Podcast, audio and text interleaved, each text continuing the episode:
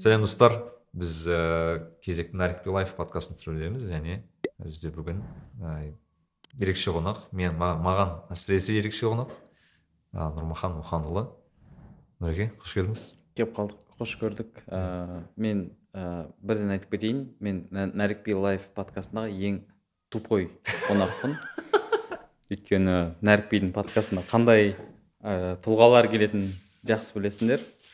Жоқ негізі нұреке жоқ нұреке ше андай мәселелер типа ә, адам өзінің мақсатына байланысты екен да мысалы көп зат мысалы мен бір зат түсіндім ыыы адам мысалы немен айналысады сіз юмор дейді ғой былайша айтқанда иә Со- сондай затпен айналыссаңыз жалпы ол жалпы ол бір деңгей да негізі сол тупой деп есейтін адам негізі тупой емес та негізі былай ойлап қарасаң. білмеймін енді самоирония деген зат бар ғой самоирония өте жоғары ғой Иә. самоирония деген негізі несі өте жоғары адамдар болады дейді да ана білім деңгейі өте жоғары адамдарда болады дейді. Негізі просто қазіргі заманда ана білімнің өзі бір кішкене түсініксіз. Сізді қалай таныстырсам болады мен? Мен өзім енді қызық қылмаған сол стендап комик сценарист деп. Иә. сценарист. Енді сценарист деген қазір енді соңғы бір бір жарым жыл ештеңе жазған жоқпын. Былай енді сырт тарапта өзімнен басқа жаққа. Аха. Сондықтан просто ә, өзінің сүйікті ісімен айналысып жүрген иә. жан деп айтуға болатын шығар жан. Иә. Жоқ ыыы сіз бір белгілі бір трансформация өткен сияқтысыз соңғы Уа, уақытта ол ол рас иә. Мен былай айтайын нұреке мен ә, сізді неден танимын? Түнгі студияны наверное танимын Иә, көбінесе. Көп адам сізді түнгі студияны танитын шығар. Иә. Кейбір адамдар сізді квннан таниды квн. Квн ә, сосын ютубта wi-fi 25 түнгі студия и қайтадан ютуб. Солай болды. Қызық екен. Мен жақында осы мына мәселені қозғап едім ана квнға байланысты. Соңғы уақытта былай қарасам бізде көп ыыы белгілі бір деңгейге бір күшті зат дүние жасап жүрген кісілер квннан шыққанын байқадым да. Творческий творческий сферада иә. жүргендер. Мысалы мысал ретінде алдик ика сіз нұрлан қоянбаев нұртас адамбай. Кім бар? Әлішер Әлішер ат- не, қайдан ол типа неге неге именно солай типа? Енді мен өзімді сол кісілермен қатар қоя алмаймын енді. Өйткені енді жаңағы нұрлан қоянбаев нұртас адамбаев тұрсынбек қабатов олар сол кісілер жалпы квнщикте қолынан бір іс келетінін көрсетіп берді. Біз соларға қарап а демек біз де қорықпай бара берсек болады екен деген ә, сондай сезім болды. Аха. Енді былай айтқанда квн ойнаған адам түсінеді ол нәрсені. Мхм, квнде бәрін практикада үйреніп аласың. Мысалы теорияда білуің мүмкін бірақ практикада іске иә басқаша ғой. Ал квнде сен бірден практикадан бастайсың да. Сахнада тұру сөйлеу постановка жасау былай мынаны мынадан кейін айту деген бәрін өзің істеп көріп барып үйренесің да. И ұйымдастыру жағынан болсын адамдармен араласу нетворкинг бәрі соның. Мхм. квнде өзің білмеген жағдайда үйреніп аласың. И пост квн басталған кезде саған қайсысы өзіңе жақын соны таңдайсың да кете бересің. Біреу актерствоға кетіп қалады біреу режиссураға кетеді біреу продюсерский кетеді солай кетіп қалады. Әркім ей сценарист деген Иә. сияқты. Бірақ көбінесе байқағаным өзінің белгілі бір не бар иә? Ыыы квнді бітірген квнді белгілі бір деңгейге жетіп кейін шыққан адамдар көбінесе сол либо сол режиссура сценаристика немесе стендап немесе вообще кино түсіріп кетеді деген сияқты иә мынандай нәрсе бар. Ыыы негізі именно сценарист және стендаппен айналысатындары квнде жетістікке жетпегендер. А сын ба иә негізі.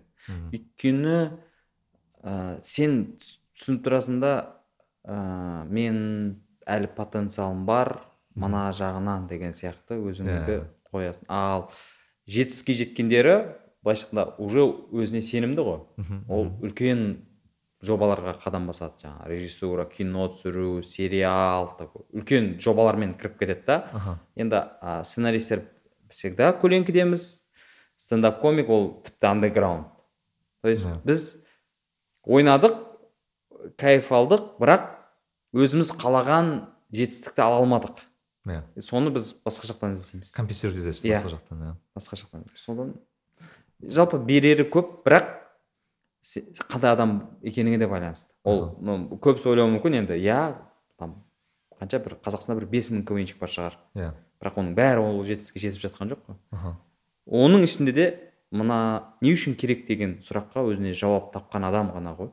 Иә иә. Бір жолын тапқан. Мына мәселе қалай? Мысалы ыыы ресейде қазір квн енді өшіп жатыр деп айтсам Иә. болады иә. Қазақстанда ол бізде бұрынғыдай қызығушылық жоқ. М, м меніңше ол мынау әлеуметтік желідегі түрлі интертейменттің көбеюінен.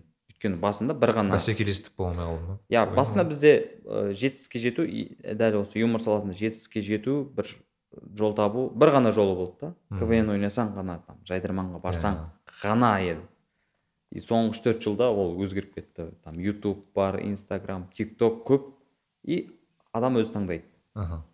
Маған бірден керек болса міне осылай. Енді жаңағыдай ә, квн ді біз мектеп ретінде қараймыз ғой. Бәрін қадам қадаммен өз баспалдағымен былай көтерілу.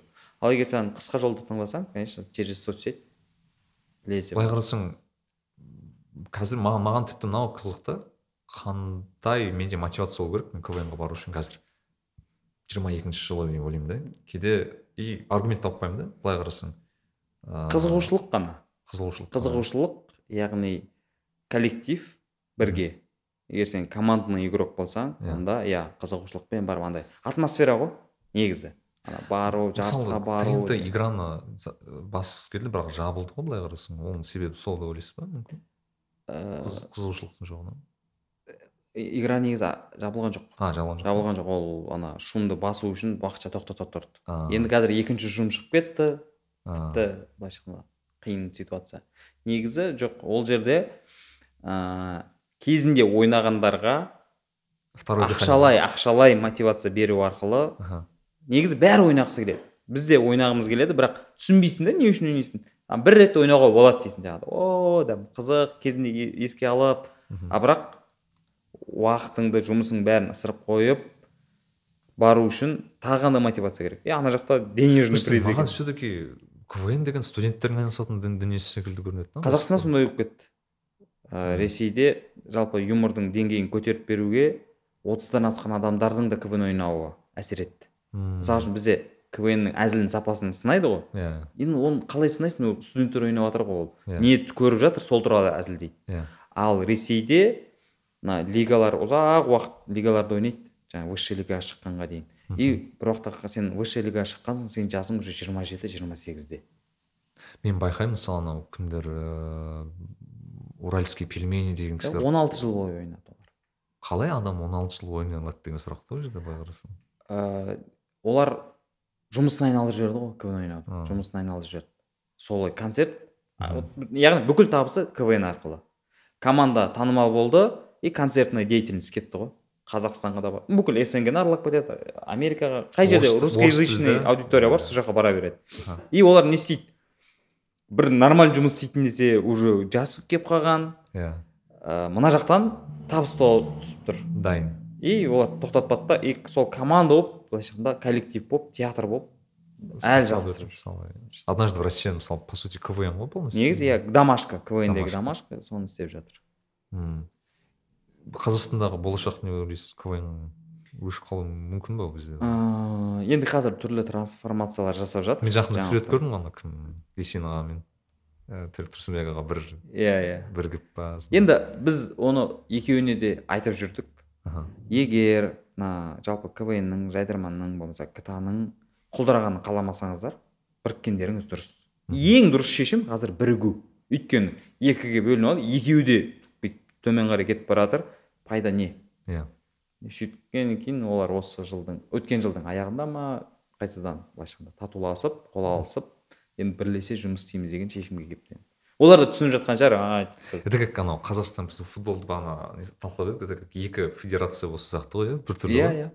Кімді қарайсыз екеуі де еще ә, бір каналда болды ғой. А. Ол нонсенс та былай қарап тұрғанда. Қалай сонда екі Иә. конкурент ыыы, ком- бір, бір каналда бір бір контент бірдей контент былайша айтқанда. Иә. Бұл жерде енді каналдың қателігі бірақ енді ақыры сондай болған соң өздері қолға алу керек яғни бірігу керек. Мен квн ға байланысты мынаны айтқым келеді анау менің жандос тұрсынбаев деген досым бар. Станис- М, танис иә иә иә. сценарист ә, неде болған түнгі студияда Иә, түнгі сценарист студияда. болған жігіттердің бірі. Қазір айтишник.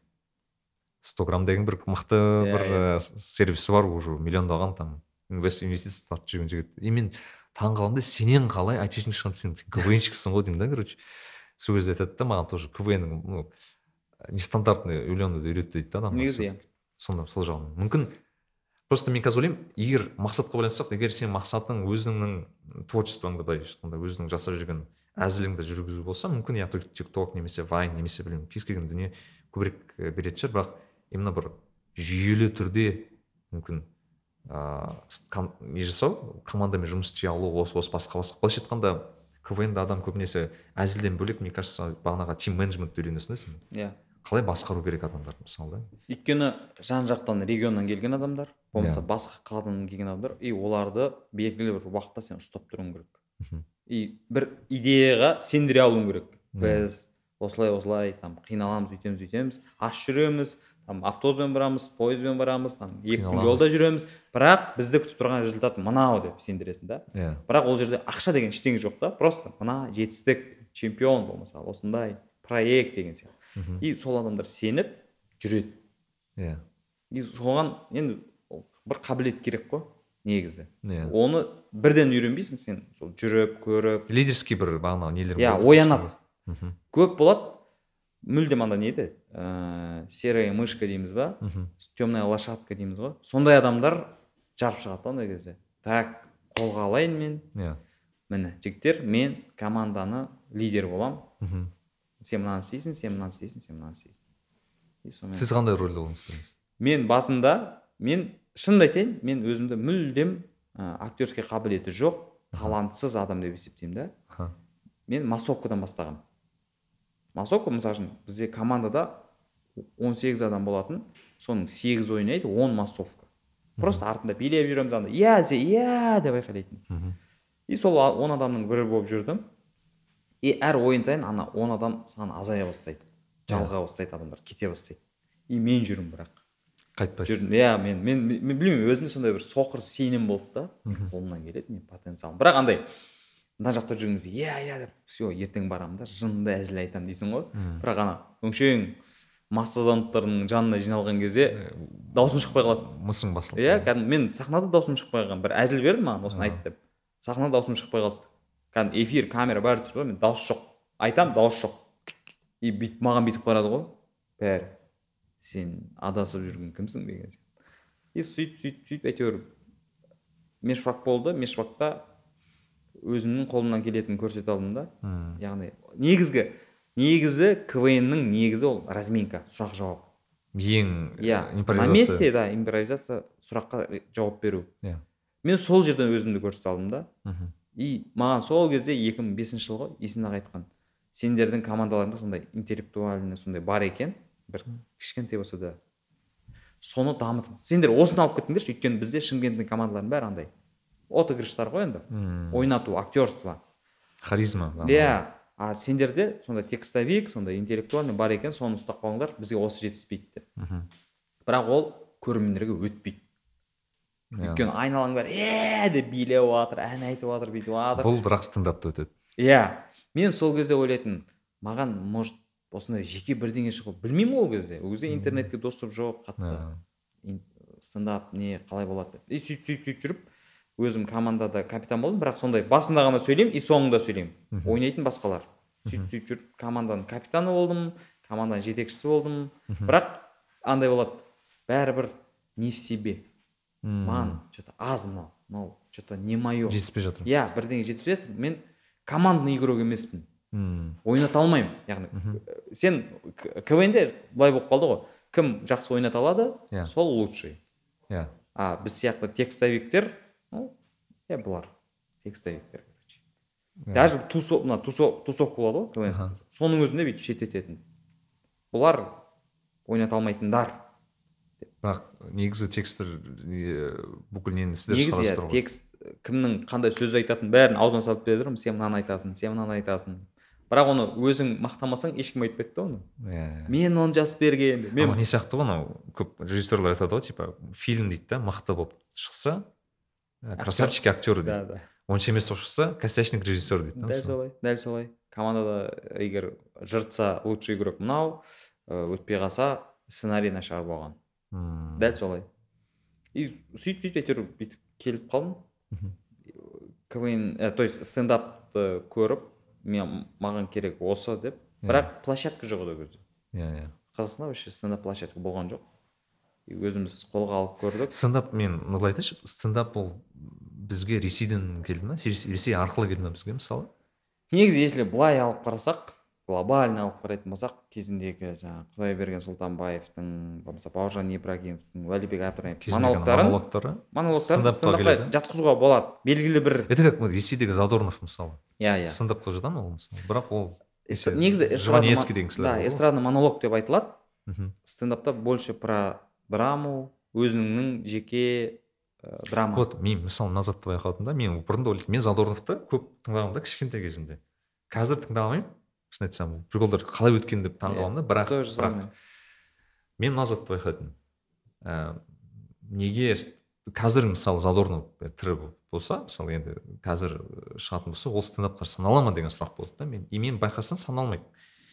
Деп жеке тұжырым шығардым. Неге? Мен байқауымша э, стендап это адамның өзінің жеке орысша айтқанша переживание дейді ғой соны Иә, иә. сол жеке бір ә, іште айта алмай жүрген заттарды айту да мысалы мен, мен байқағаным и біз мынандай бір осы талқылау басында мынандайға келдік та яғни стендап ол былайша айтқанда бір адам бар. Оның бір детский травмасы бар мүмкін. Мысалы байқасаңшы бүкіл қазір ең танымал адамдардың бәрінде танымал стендаперлердің бәрінде бір белгілі бір детский травмалар бар. Мысалы Иә. сабуровтың әкесіз өскені мысалы. Бағанағы ерте ерте ба- әке Иә. атануы немесе чебатковтың мысалы бағанағы әкесінің түрмеде Иә. отыру мысалы оралда өсу орыс бала болып қазақтардың арасында өсу дегендей. Яғни белгілі бір ә, кез келген адамда жалпы детский травма бар.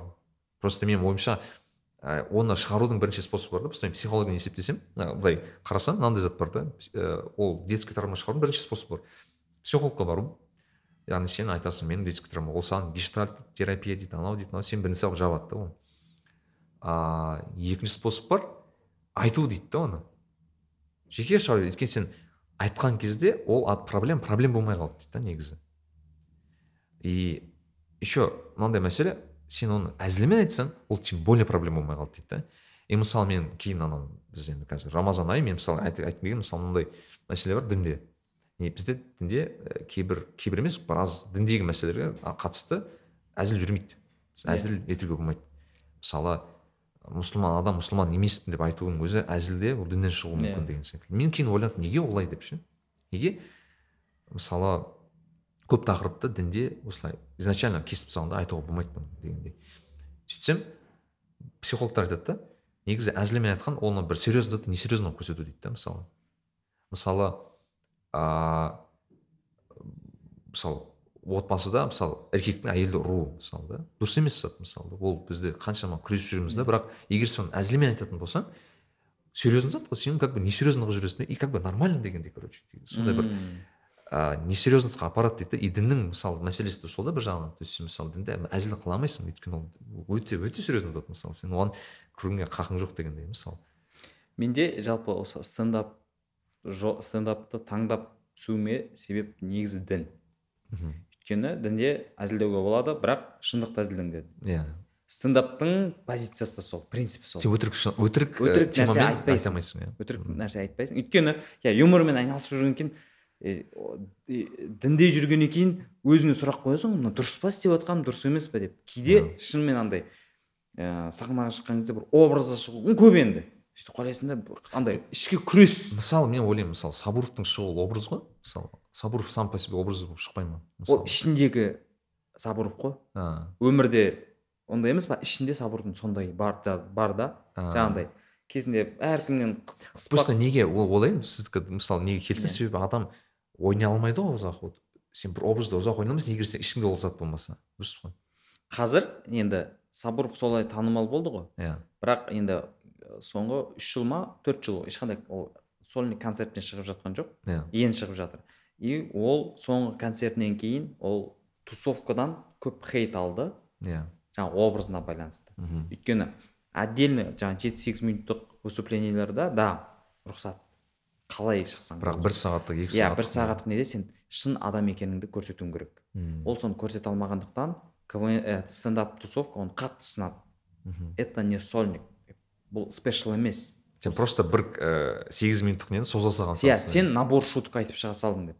Сол ол да ол түсінді оны. Сөйтті да қазір больше про себя уже. Шын айта алады мойындау жаңағы мен кітап оқымаймын мен тупоймын деген нәрсені уже. Былай енді біз закрытый трушность дейді ғой иә закрытый нелерде концерттерінде көріп қаламыз. Ол Иә. жайлап келе жатыр. Бірақ жаңағыдай ғой сен мынандай биікке көтеріліп қалғаннан кейін қайтадан бастау қиын қиын. иә оңай емес сонымен ақырындап бастап келе жатыр. Енді мен ойлаймын кешегі мысалы үшін оған жаңағы түрлі хейт кетіп жатыр агрессия кетіп жатыр ғой. Меніңше осы концертінің соңына қазір тура әлі соңына жеткен жоқ қой. Эфирный версиясына мүмкін қосатын шығар деген үмітім бар өйткені ол нәрсеге көз жұмып өтіп кете салу тағы болмайды яғни өміріңде болып жатыр ғой Иә. айтуың керек осындай болды. И как то или серьезно айтсаң да болады. Мысалы үшін мынандай комиктер бар өзінің ажырасқанын сахнада Иә. айтқан. иә. Өйткені былай айтса тағы болмайды. Мгм. и өмірінде болып отыр ма айту керек. Мен де стендапқа сол немен келдім да былай енді юмормен айналысқым келеді. Мгм. ақыры қанша уақыт жаңағы квн ойнап уақытымды жұмсадым и қолымнан келетіні сол екенін көргеннен кейін а осымен айналысу керек. Бірақ қайсысымен деген сұрақ туындайды да. Иә иә.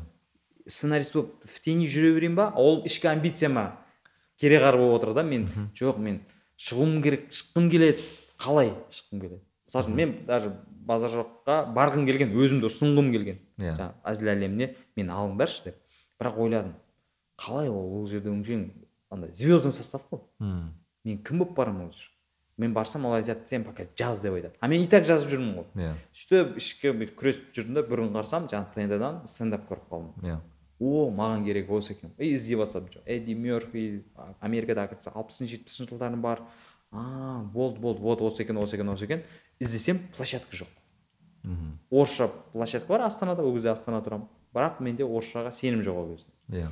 Сөйтіп өзіміз 2016 жылы астанада жаңағы қазақ жігіттері алдик бар ішінде. Қазақша стендапты бастағанбыз. Иә. Но ол ұзаққа созылмады. Неге? Сөйтсек не только площадка аудитория да жоқ екен. Халық дайын емес иә бізге бірден айтқаны тұрсынбек бола алмайсыңдар деді. Не қыласыңдар қоя салыңдар иә. И біз әлі системасын білмейміз ғой ол оказывается ол сен бірнеше жаңағы проверочный кештер өткізу керек короче түрлі нелер. И әр комик жеке индивидуал. А бізде командаға үйреніп қалғанбыз жаңағы квн. Иә иә. Е жасай жасай дейсің а ық- ықпал ете алмайсың оның шешіміне. Сөйтіп 2018-де Ас- алматыға қайтадан көшіп келген кезде бұл жақта орысша стендап прям өте жақсы деңгейге көтеріліп келе жатқан И менде ой келді мен шығып көрейін ба деп. мен бір вечеринканы қалдырмайтын көрмей Бәрін барам араласасыз. барам. И әр барған сайын өзіммен не да нұрмахан шығуым керек шығуым керек. И мен танимын ана жігіттерді иә. Барып айтамын ғой. Мен де жаза аламын олай дейсіз. Иә барып айтамын ғой жігіттер. Шықсам бола ма сосын олар иә иә жақында қазақша стендап бастаймыз сол кезде келесің дейді жоқ осыған орысша сен орысша типа қалай деген? Иә. И маған ол әсер етті да. Қалай мен көрсетемін сендерге дедім да. Жаздым жібердім текстовый версиясын. Олар оқыды да мен айттым «Ш- честно айтыңдар дедім. Маған там таныс достық ештеңе қарамаңдар честно айтыңдар. Жоқ жақсы давай көрейік деді и открытый микрофон болды. Бірінші рет орысша открытый микрофонға шығып өзім күткеннен де жақсы болды. И үшінші күні то есть открытый микрофон и үшінші күні маған орысша стендапқа все үлкен концертке шығасың деді. Алматыда. Алматыда. И мен шықтым содан кетіп қалдым. Бірақ енді ол жерде мен ііі и жаңағы тоже ғой өзім туралы айту. Мен орысша дұрыс сөйлей алмаймын акцент бар и сол Иә. туралы айтамын просто. Иә иә. Жаңағыдай. Қалай қабылдадың өте жақсы қабылдады. Тіпті ыыы ресей жақтан да ұсыныстар келді. Бірақ олардың маған жалпы көзқарасы ұнаған жоқ та. Олар маған клоун ретінде қарап отыр да.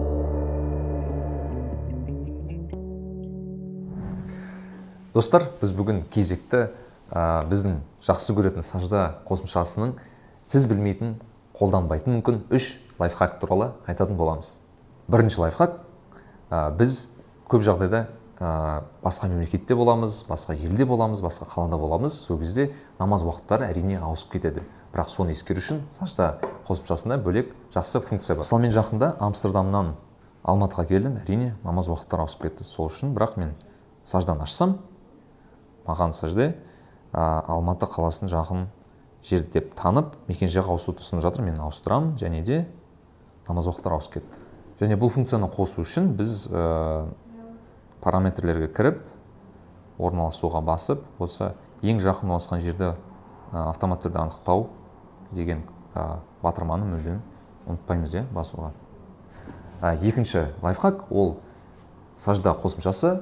Ә, намаз уақыттарын тек белгілі бір қалаға ғана емес белгілі аудан район бағана бір белгілі жерге, байланысты есептеп бере береді. Мысалы біздің жағдайда мен қазір алматының горный гигант ә, районда ауданда тұрмын. Сондықтан маған осы қаланың осы шетіндегі ә, намаз уақыттарын көрсетіп тұр. Бұл өте маңызды себебі мысалы мен америкада мысалы нью йорк қаласында болсам маған бруклиннің ә, уақыты мен басқа аудандарда манхэттеннің мысалы уақыттары бөліну өзгеше болуы мүмкін. Сондықтан бұл өте ә, керекті зат.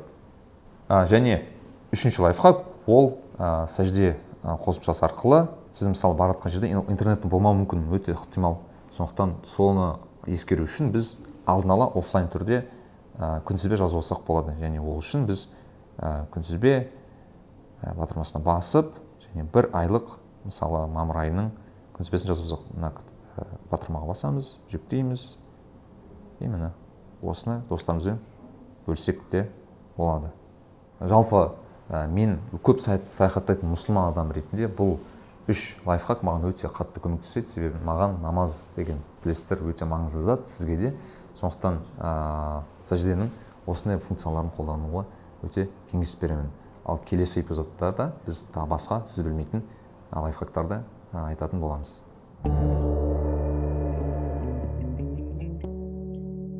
Сол мен кейде байқаймын мысалы қазақ ыыы стендаперлердің немесе юмористтерін шақырған кезде бізде көбінесе бір антураж үшін шақыратын иә, секілді да география плюс клоун міне. Да сен шуктық орысша білмейсің сен а, ат жейсің сен далада жүресің. Сондай персонаж керек. Иә. И мен айтамын мен ондай емеспін деймін. Иә.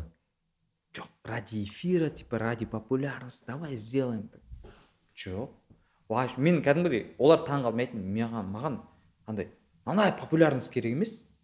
Маған просто стендап керек деймін ғой.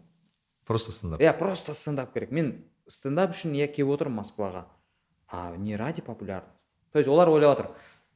Короче саған мынанша ақша береміз саған мынандай эфир береміз. Давай этот образға кір. Ей я казах мы кушаем лошадей деп. да да да. Жоқ и тем более менің жасым отыздан асқан маған тем более андай не емес деймін да бір эйфорияда жүрген жоқпын ойбай мені шақырды деген ондай жоқ и содан кейін түбегейлі қазақша стендапқа кетіп қалдым өзіміз жігіттер бастап жатқан мен бардым да поддержкамен мен өзім қазақша стендапты шын айтсам он тоғызыншы жылы ғана байқадым он тоғызыншы жылы неге байқадым ютубта шыға бастады сол кезде мен өйткені қазақстанда болмадым иә иә сол кезде шын айтсам басында скепсис болды қалай болады екен деген сияқты ше потом бір қарадым бағанағы ағасағанның нелерін қарадым сіздікін қарадым бағанағы көп көп енді аттарын есіме түсіре алмаймын Иә. бірақ қарадым.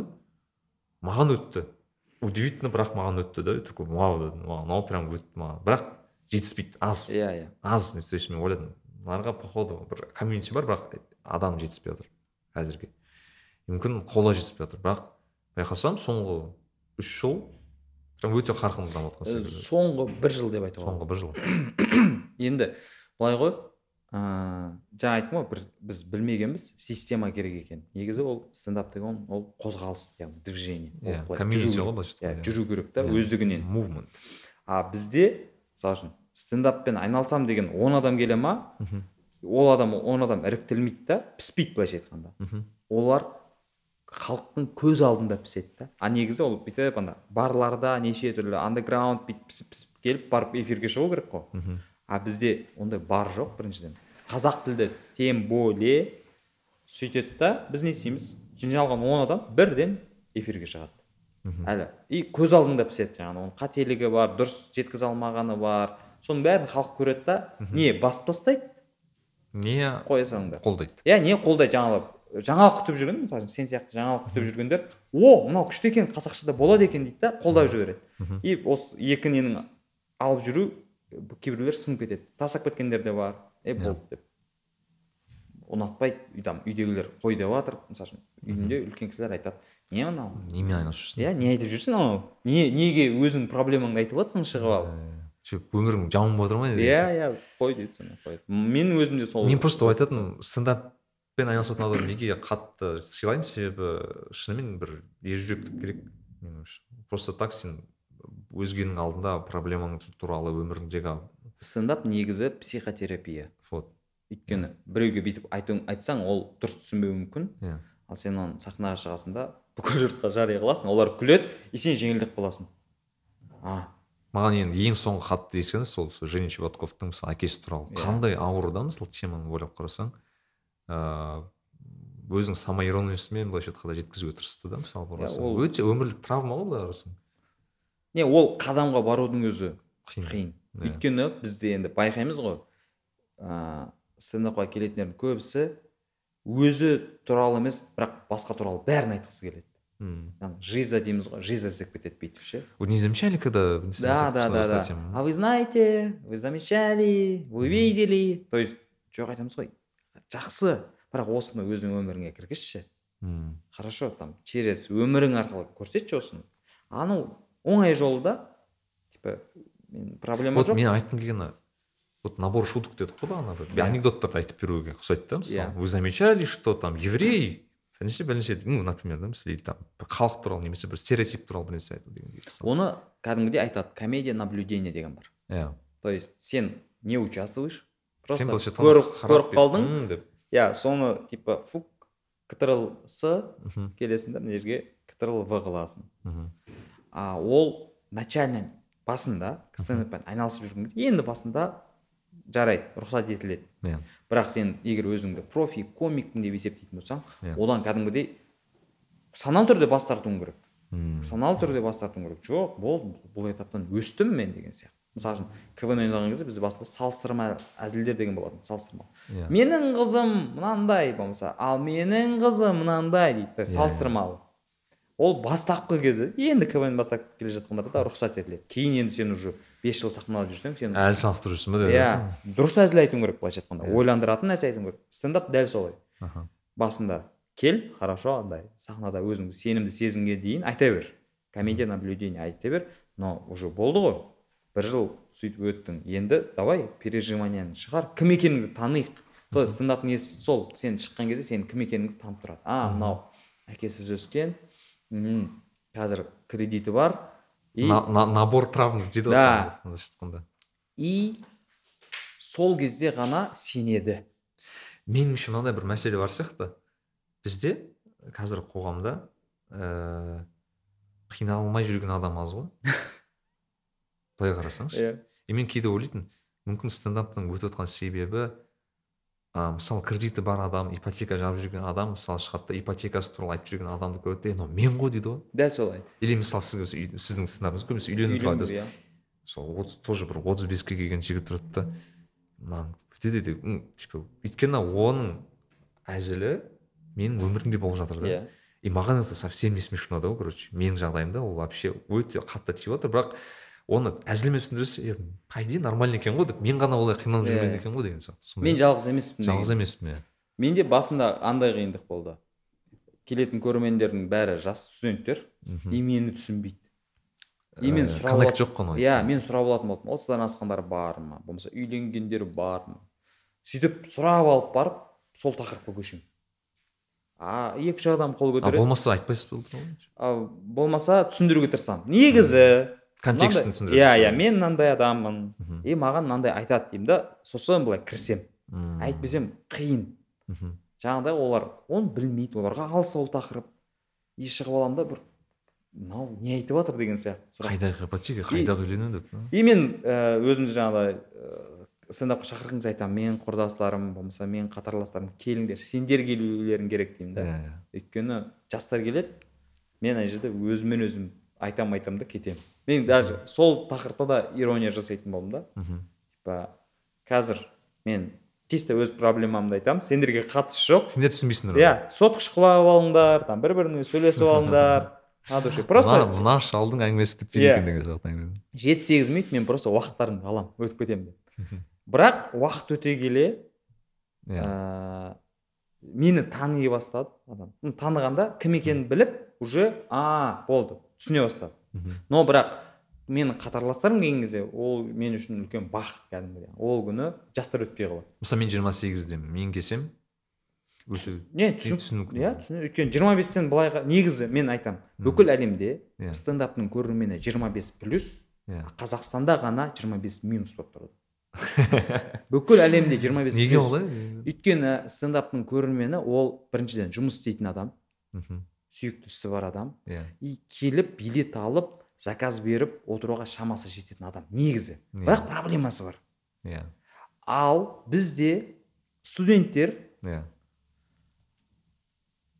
жиырма бес плюстер бізді пока былайша айтқанда менсінбей жүр. Мхм. әй деп.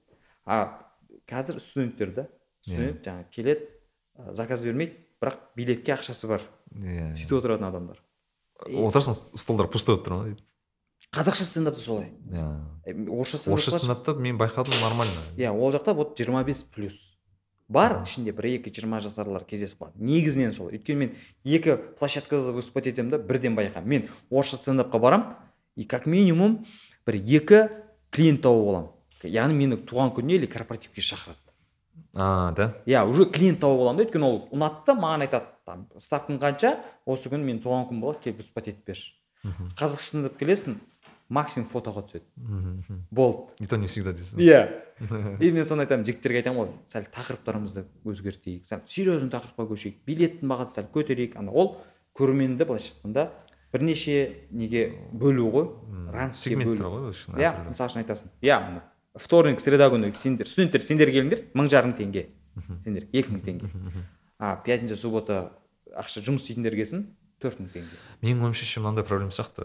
Ыыы с- қазіргі қазақ стендапына шығып жүрген жігіттер все таки жастардың арасында негізі танымал да. Иә. Мен просто кейде ойлайтынмын мысалы айтайық мысалы леп қазір шығып жатса Иә. леп ма сондай? Леп клаб иә. Леп клабта мысалы ыыы тұрсынбек келсе деп ойлайтын да иногда просто теоретически тұрсынбектің уровеньдегі бір адам келсе иә. жастар емес мне кажется ол кезде как раз таки басқа адам басқа аудитория келетін сияқты мүлдем. Өткенде былай істедім мен. Мен негізі фейсбукта аккаунтым бар бірақ отырмаймын. Иә. Бірақ өткенде өзім ойладым е ол жақта бар ғой жаңағы дедім да. Бір ыыы хабарландыруды фейсбукқа салдым. Айттым мен қазір айналысып жүрген ісім осы если что келетін болсаңдар и сол күні кешке или ертесіне ма залдың 80 проценті үлкен кісілер ма 35 плюс болып кетті ғой. Вау. Даже 30 плюс емес 35 плюс. И жастар сәл қиналып қалды басында. Өйткені олар түсінбейді. Иә тақырыбың қандай да? Иә иә. Олар андай алданбайды былайша айтқанда. Аха. бізде обманка деген бар стендапта. Обманка бүйтіп алып келе жатасың да алдап кетесің. Иә иә. Оған алданбайды. Оларға кәдімгі четкий басы бар ортасы бар аяғы бар әзіл керек. Иә. И а мен рахаттандым. Сіз кайф алдыңыз мен кәдімгі полу полуслов қой бір бірімізді түсініп жатырмыз. Уже мен тақырып бастаймын уже күліп жатыр мен о. То есть жаңа мысалы ана неңіз бар ғой ана приколда маған не дейді ана? Ы, сүндет сүндетке отқанда рубль берген деген сондай Иә. приколдар мен бүйтіп айтамын. Мен жасым мен осы осы ғимараттағы ең кәрі адаммын деймін да. Қазір мен жасымды сөзбен айтамын сендер табып отырсыңдар деймін. Типа жайлап бастаймын. Мен мен сүндетке отырған кезде маған рубль әкелген. Типа алар уже шоши мен пионер болғанмын деген сияқты сондай иә қай жылы деп сөйтіп сөйтіп сөйтіп сөйтіп бастаймын да. А оның жанындағы жаңағы бірге выступать етіп жүрген жігіт айтады нұреке зачем? дейді да типа қатты замудренный ғой мен айтамын а я көрерменнің ығына жығылғым келмейді деймін да. Вот типа өзімді алдап отқан сияқты болып қаламын типа себя предал ради. Что күлкі үшін трушность қалу керек да күлкі үшін мен өтірік нәзі болады айта беруге болады. М. самое главное то есть ең басты критерий күлдіру болса айта беруге болады. Бірақ Иә. мен үшін бірінші кезде өзімнің кайфым ғой. Иә именно оны ол әзілді айтқаннан өзім кайф алатын болсам маған бәрібір. Иә күле ма күлмей ма мен айтамын да и еще мен всегда сондай өтпей қалған әзілдерімнің соңынан айтатын әзілдер бар. Маған ұнайды. Өзіме ұнайды маған. Жоқ сол жер жақсы сияқты стендаптың что сен бағана мұсылман адам ретінде алдамайсың. И бағанағыдай білінеді ғой алдағансың алдасаң да білінеді ғой негізі. Ол бар. Көрермен сезіп қояды. Иә сен өтірік айтып тұрғаныңды сезіп тұрады и күлмейді. Қой ей деп реакция білдіре салуы мүмкін. И ол ана сахнада тұрған адамға қатты тиеді тем более по самолюбию дей ма? Тыш етіп ұрған кезде сен ә, болды алдамаймын дейсің да келесі жолы алдамаймын и сол жаңа айтқандай діни немен бар стендапқа кірдім. Қызық иә адам қалай да руханият қалай адамды алып келе алады да әртүрлі нелерге. Жалпы бізде анау бізде мен мысалы өзімнің подкаст жасауда мынандай бір принципім бар. Біз әрқашан мысалы кез келген адам мансабын руханият арқылы кейде түсіндіруге тырысамын да и маған дейді қалай дейді да типа сен кейде заттарды түсінесің рухани мысалы мен айтамын әзілді де түсіндіре аламын мысалы себеп маған шын айтсам ыыы көп әзіл өтпейтін себебі сол өтірік әзіл. Иә. Өтірік әзіл мен, мен көріп тұрмын маған күлкілі.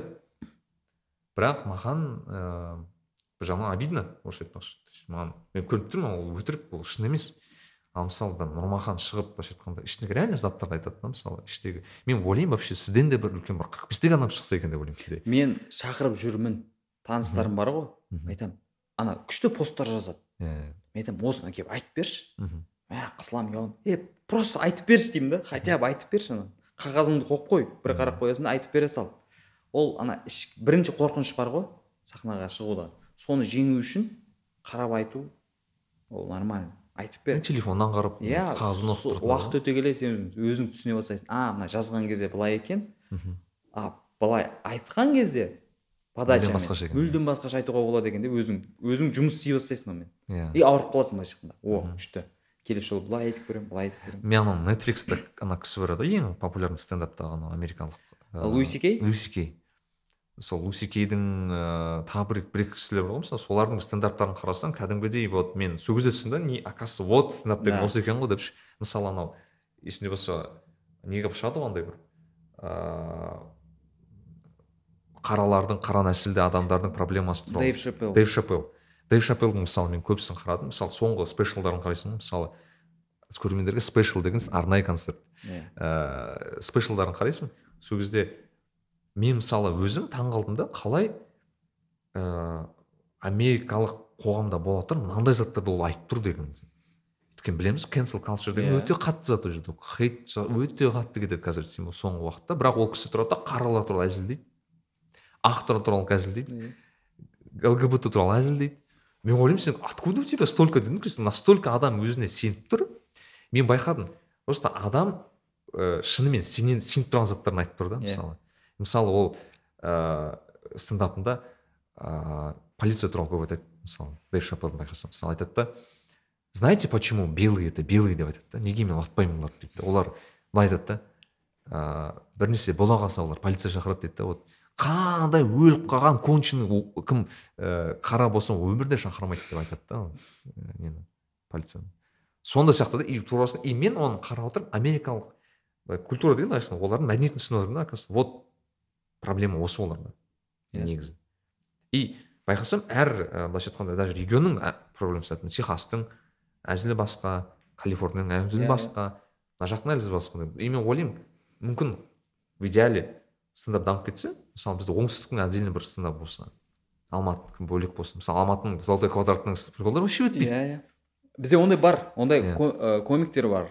Ыыы былайша айтқанда біз енді біз андеграундпыз дейміз ғой. Иә. Олар андеграундтың андеграундымыз дейді да. Иә. Андай ғой былайша айтқанда енді қатты мен қабылдай алмаймын оны. Мхм. мен юморда жүрмін стендапта жүрмін бірақ сіз аналар өзіңіз қабылдаймыз иә бүйтіп қараймын да. Не деп жатыр дейсің ғой? Анау енді нақты бір дінді ұра салады жерге ұра салады болмаса тағы бірдеңені маған бар ғой осы маған жақында бір наблюдение тоже менікі менікі наблюдение. Енді есіңізде ме? Мысалы екі мың екі мыңнан екі мың бесінші жылы айтыс бізде өте қатты Иә. мықты болды байқайсыз? Мен просто өзім қатты фанатым болдым. Айтыс деген соң уф бүйтіп. Әке шешем қатты өзім қарайтынмын мысалы бағанағы. Ә, бірақ бір уақытта неге маған қызық болды? Себебі айтыс маған все таки қоғамдағы болып жатқандардың отражениесін көрсетеді мысалы бір белгілі бір политиктің сөзі немесе белгілі бір саясат туралы немесе мемлекеттерде болып жатқан бір қиын жағдай болсын соны бір әсемдеп келіп термен немесе бағанағы домбырамен кетіп айтып беру да ол үшін өте қиын формат та. Былай ойласам қазақтар не деген ойлап тапқан деймін да мына форматты что сен сондай затты мидың жұмысы өте иә көрінеді. көрнекті сен сөйтіп бүйтіп бүйтіп өлең қылып шығарып беруің керексің да соны ше бірақ байқайсыз екі мың бестен кейін оның бәрі жабылды. Иә мен ойлайтынмын окей а, қалай мен қазір вот жиырма екінші жылы мен жеткіземін оны бағанағы қазір подкаст бар бірақ подкаст не всегда сен айта аласың Да. ондай заттар мысалы кейбір қатты зат айтқан кезде ұнамай қалуы мүмкін деген сияқты. Потом ойландым шын айтсам мен қазір сондай бір белгілі бір зат айтқан соң мен стендапқа шығар едім деп өзім. Өйткені мені қозғайтын заттар мені іштей жейтін заттарды беріп айтамын. Вот көкелер осы проблема. Иә. Маған бір нәрсе істеу керек дегендей. И сол жағынан мүмкін стендап тың көп несі бар потенциалы бар екенін байқадым Иә. да. Өйткені шынымен кезіндегі былайша айтқанда айтыстың жамамаған затын менің ойымша стендап жабатын сияқты все таки и жаңағыдай ғой через личные переживания дейміз ғой. Иә мысалы үшін айтыста енді общий өзінің өңіріңнің өңірінің несін айтады ғой жалпылама айтады да. Иә а бұл жерде сен конкретно сол бір ситуациядан болмаса бір мәселеден өзіңнің зардап шегіп жатқаныңды көрсете отырып мысалы аңсағанның мысалы несін приколдарын айтамын да мысалы ол кажется не, не туралы айтады көбінесе әкесінің кетіп қалғанын иә былай қарасаң мен менде құдайға шүкір ондай болмады да бірақ мен аңсағанды қарап тұрып ә, менің ортамда болған сондай балалар бар ғой. Олардың несін түсіне бастадым да больно да былайша айтқанда Иә. не? Қалай айтсам екен? Олар немен мен мен өйткені мен, мен сезе алмаймын оны. Олардың немен ауыратынын. Немен қиналғанын түсінбеймін бірақ аңсағанды қарап отырып мен түсінемін. Мысалы кім еді? Не туралы? Оралмандар туралы көп айтады. Иә иә оралман. Иә мысалы оралмандар туралы айтады деген и сол арқылы ол соның представителі былайша айтқанда соның проблема болған адам тұрады да сол туралы. Мысалы мен айтамын мен, мен мысалы европада тұрамын. Мен европадағы немесе шетелдегі қазақтар туралы менің приколдарым өтеді. Мен Иә. егер айтатын болсам себебі мен соның яркий представитель Иә. мысалы өзім. Өзім соның мүшесімін сол жерде мысалы да. И ол туралы айтса маған кәдімгідей өтуі мүмкін деген. Иә негізі ә, мен бұрын мына неде соцсетте өте активный болғанмын андай пост жазып бір и уақыт өте келе ана жазғым келмейді да уже айтқым келеді. Иә. И жаңағыдай ғой площадка жоқ жоқ жоқ. Қараймын а стендап. А е болды мен өзімді енді таптым. Аха. То есть даже мынандай нәрсе бар типа художник өзінің м, туындысын соцсетке шығармау керек. Ол жаңағы выставкада көрсету керек. Иә. то же самое режиссер бір киноның идеясын соцсетке салмайды ол түсіреді ол соны сол арқылы Иә. выражаться етеді былайша то же самое стендап комик өзінің ойын там пікірін недовольствосын соцсетте жазбайды там сторизінде ол пісіреді оны қорытындылап бірдеңе қылып ой қорытып сахнаға алып шығады да айтады сол жерде. Потому что ана экспрессиямен ана эмоциямен ол қатты өтеді. Яғни сен жаза салуың мүмкін текст. Ол қатты бермейді нәрсені. Иә. бір күндік. Ол былайша айтқанда а ана эмоция сен түріңді көріп тұр қалай айтып жатрсың подачаң. Шынымен де сен анаған уайымдап тұрғаныңды көрсете аласың да солай жақсы келеді. И ол солай болу керек. Яғни сен мазалап тұрған нәрсе міндетті түрде ыыы жаңағыдай ойдан шығаруының қажеті жоқ. Мазалап тұрып шығасың айтасың. Мен бұрын бұла- енді ыыы стендап бастап жүрген кезде әрбір сөзімді жазатынмын. Иә. Қазір жазбаймын. Қалай сезесіз сол айтасыз иә. Просто тақырыбын жазып қоямын тезисіне мына туралы мына туралы мына туралы и ол больше удовольствие чем жазылған. Өйткені жазылған нәрсені сен жаттайсың. Мен тура сізді де менде ана трансформация мен подкаст бастаған кезде бүкіл тізіп жазатынмын да бүкіл тақырыпты бүйтіп ше. Бірақ түсіндім жақсы кетеді дайындық деген жақсы. Бірақ бір кезде байқадым да мен андай флоу керек та маған Иә. адам мен маған адаммен именно бір волнаны ұстау керек. И сол кезде ғана менде бір жақсы өз, өзім Иә. спокойно сезінеді екенмін да өзім бүйтіп маған сондай бір комфортно да отыру бірақ кейбір адамдар мысалы олар ұмытып қалғысы келмейді. Маған келмейді бүйтіп Иә. қағазбен тексеріп отырғысы келеді. Мен айтамын, жоқ мен мен, как есть сөйлескім келеді адаммен былайша айтқанда менікі де андай бір ыыы жақында сөйлесетін анау психологияның пай- пайда болғанын білесіз ба қалай? Жоқ. Маған қызық та. Психологияның негізі ол христианстводан келеді екен да. Мм, қалай десе анау католиктер кезінде мынандай короче момент болады да. Ә, христианство өте көп құлдырайды да бір бір момент. Ә, адамдар шіркеуге келуден тоқтатады сол кезде ә, кімдер ыыы христиан поптар былай Мгм. былай мынандай не шығарады? Заң, емес енді мынандай бір тема шығарады айтады сендер егер де бізге келіп исповедь жасасаңдар бізге поптарға сендер құдай сендердің еліңді кешіреді бірақ ол жасау үшін сендер бізге келуің керексің бағанағы фильмдерді көрдіңіз ба ана бір Иә, неге иә. кабинаға отырып алады да я согрешила деп бүйтіп әңгіме жүріп жатады ғой. Содан шыққан дейді да негізі мына кезінде римда сондай сондай пайда болған ыыы яғни сен келіп өзіңнің былайша айтқанда проблемаңды басқа біреуге арқылы айтасың. Мысалы біреуге айтасың сол арқылы сен өзің жеңілесің екінші сен құ- құдай сен типа кү- күнәңді кешіреді деген сияқты. кейін оны бағанағы кімдер алады? Психолог за основу алады екен да кейін. Соны соны яғни сен оказывается сөйте алады екенсің яғни сен өзіңнің белгілі бір психологиялық э, өзіңнің проблемаларыңды или күнәларыңды былайша айтқанда адамға айтасың ол адам сені тыңдайды. Бірақ айтады айтқысы келген да психологияның изначально ниеті адамды дұрыстау емес дейді да жақсы емес дейді да ниеті себебі анау кезіндегі анау. Не христианствода адамдарға э, шіркеудің айналасын ұстап қалу еді да негізі. Бірақ содан бүйтіп вытекать етіп шыққан зат та мысалы қызық дедім да қалай? Иә. Кейде мысалы дін психологияны айтып береді деген мысалы сізде мысалы дін вообще стендапқа алып келді деген. Иә енді ә, негізі ә, бізде енді үлкен ағаларымыз ә, юморда жүрген ағаларымыз стендапты жас формат қой жас жанр ғой деп айтады да. Енді ол олардың білмегендігінен ғой. Иә. негізі стендап осының бәрінің басында тұр. Өйткені кезінде жаңағы адамдар бір енді шығармашылықпен өнермен айналысқысы келді ғой бірақ мүмкіндігі жоқ білмейді қалай екенін. Иә. Олар осындай просто трибунаға шығып просто оймен бөлісетін болған ғой. Иә. Жалғыз шығып. Иә. Мысалы үшін шығады болмаса біреу пародия жасайды екіншісі просто жаңағы ауызбен бірдеңелер айтады. Вот сол стендап та былайша айтқанда ол. Мхм. бірақ енді ол кезде вот мы стендапта печат қойып ешкім не істеген жоқ қой. Иә. Просто солай басталған.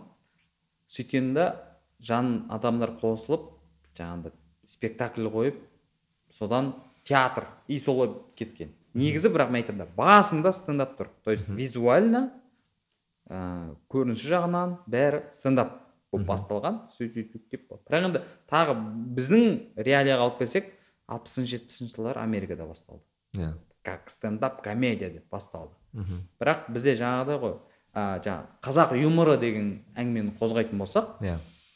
бұрын жалпы біз кітаптардан да оқыдық ә, үлкен кісілер де айтады біз қазақта астарлап әзілдеген.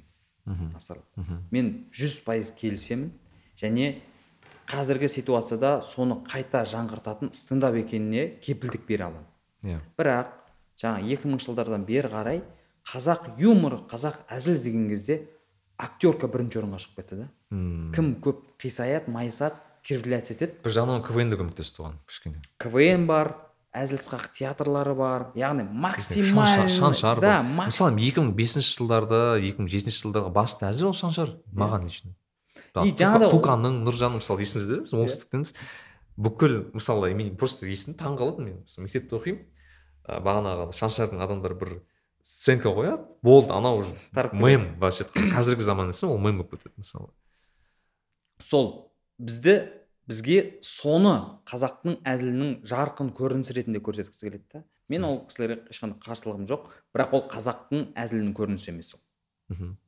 Қазақтың әзілі сол астарлап әзілдеу кезіндегі ана бүйтіп шымшып алу дейміз ғой бүйтіп сарказм бәрі ол бізге тән нәрсе. Сенбесеңіздер кезіндегі шығармаларды оқу керек. Оспанхан әубәкіровтің шығармаларын иә? Шона смаханұлының ә, кітаптарын оқысақ ол жерде бәрі жаңағы шымшу болмаса ара журналы. Бәрі жаңағы сарказм сатира. Иә. Сатира жоқ болып кетті дейді.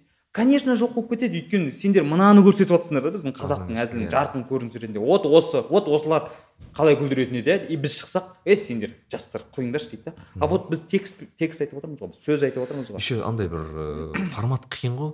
Яғни айтқым келгені сіздердің форматтарыңыз Иә. Просто мысалы андай мен қап қара фонда микрофонмен жалғыз өзің тұрып иә мен айтқым келгені мынандай сен сен ондай форматта күлдірту үшін сен кәдімгідей э, интеллектуалды юморды ол кәдімгі сен кәдімгідей бар неңді жинап ііі күшіңді біліміңді жинап сен бір сөз айтып адамдарды күлдіруің керексің. Ешқандай эмоцияны білдірмей. Ол өте қиын менің ойымша ол жасау. Мысалы мен артур чепаранны көп тыңдайтынмын да маған артур чепаран қатты ұнайды иә өте мықты көрінеді өте мықты комик неге? Маған артур ұнайтын себебі артурдың эмоциясы жоқ қой. Былай қарасаң өте бүйтіп салқынқанды бүйтіп айтады да бірақ күлу күлмеу невозможно да бүйтіп қаратып күлгің келеді да бірақ мен ойлайтынмын «Қа- как он қалай жасайды ол? дейді ол вроде как кімдер сияқты ана щербаков сияқты бүйтіп а деп бүйтіп жасамайды да эмоция мимика білдірмейді. Бірақ өте бір не қылып айтады ыыы серьезный түрмен өте қатты күлдірте алады да сені былайша айтқанда. И мысалы үшін ә, вот шапарияның аудиториясы кімдер? Ол сен сияқты мен сияқты адамдар және комиктер. Басқа комиктер иә аудиториясы. Яғни олар сөзді тыңдайтын адамдар. Мхм. а щербаковты кім деп айтады? Народный комик дейді. Иә яғни ол бәрін күлдіреді дейді да.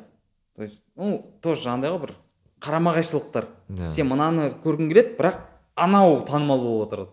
Сол ғой. Қиын. И бізде де сол нәрсе жүріп жатыр да қазір. М. ә, астырлап әзілдесең ну давай не там че то не анау бола алмайсың мынау бола алмайсың дейді. И мен қарсыласпаймын бірақ түсіндіргім келеді. Сарказм сатира астарлы әзіл вот біздің қазақтарға тән нәрсе ол. И оны біз ә, қолымыздан келгенше қайтадан жаңғыртуға тырысып жатырмыз. Сынардан қорықпайсыз мысалы? Қазір ә, белгілі бір ә, уақытта бізде ә, әзілде табу темалар болды. Иә. Бірақ мысалы мен ресейдің стендапын қараймын. Американдық британдық стендап қараймын мен табу темалардың жоқ па екенін байқаймын оларды көп адамдарда как минимум олар бүйтіп жылдан жылға табу темаларды азайтып жатыр. Иә. Бірақ менің ойымша қазір бізде табу темалар өте көп секілді. Ә, бізде ішкі цензура. М. әр адамның ішкі Иә. цензура жаңағы ұят не бәрі бар. Бір жағынан оның болғаны дұрыс. Ол болмаса мен байқаймын ғой енді бізде жаңа ә, закрытый кештер өтеді ғой. Ол кезде шектен шығудың патологы көрінеді да. Иә, иә. сол кезде Қатты кетіп қалады. а бізге керек екен. Өйткені біріншіден сенің да интеллектуалдық деңгейің ананы дұрыс подачамен жеткізуге жетпей тұр. Иә. Сен влог айтып жатрсың мхм. тақырыбың иә мына тақырыпқа қо- қозғағаның жалпы қадам басқаның дұрыс. Иә. Яғни батылдық болу керек бірақ подача жеткізіп жатқаның енді влог енді анау. Тым тым бетке Иә. басуға болмайды ғой. А, сол солай кетіп қалады. М. сол үшін де жаңағыдай закрытый тусовкалар керек. Сол жерде бәрін шығарып шығарып аласың да болды айтып тастадың ғой. Енді екінші слойға көшу керек. Сұрыптайсың оның бәрін. Иә. Там бетін алып тастайсың көбігін алып иә сосын о астындағы негізіне жету керек та. Иә. Оған уақыт керек. Оған уақыт керек. И ә, біз не үшін мына стендап клуб аштық? Леп клабты Мхм. егер сен тұрақты түрде бірдеңемен айналыспасаң сен ол істің маманымын деп айта алмайсың ғой. Иә. А бізде сондай болды. Біз стендап комик деп айтамыз да бірақ аптасына бір ақ рет шығамыз. Мхм. это несерьезно былайша айтқанда. Иә. Сосын біз айттық жігіттер міне ашып жатырмыз. Күнде выступать етеміз деген кезде бәрі бүйтіп жігіттердің бәрі таңқалып неге? Не үшін дейді? Мен айтамын. Это тренировочный площадка. Күнде Иә, келіңдер. песочница дейді да оттачивайте анау неңді бүйтіп ұштап жақсылап. Мхм. өзің өзің сезесің. Там понедельник бастадың ба уже пятница суббота ана әзілің басқаша болып өзгергенін өзің байқайсың. А когда сен бір апта бойы ойыңда ештеңе жоқ а деп жүрасың а бүгін стендап па? А деп выступать етесің. И тағы бір апта ештеңе ойламайсың. Ана әзіл өзгермейді ол түрленбейді. Болмаса күшеймейді. Иә иә. А күнде выступать еткен кезде сен өзің көрерменнен ұяла бастайсың. Е кеше айттым ғой осыны бүгін былай айтып көрейінші. Иә. И солай а мынандай болсашы мысалы нұреке стендап деген негізгі мамандық бола ала ма адамға? Иә. Негізі ол ә, мамандықтан бұрын ә, өмір сүру салты деп айтуға болады. Лайфстайл. Лайфстайл негізі. Солай болу керек. Мен жаңа айттым ғой маған таңдауыма себеп болған діни көзқарасым иә және бұның ұшы қиыры жоқтығы.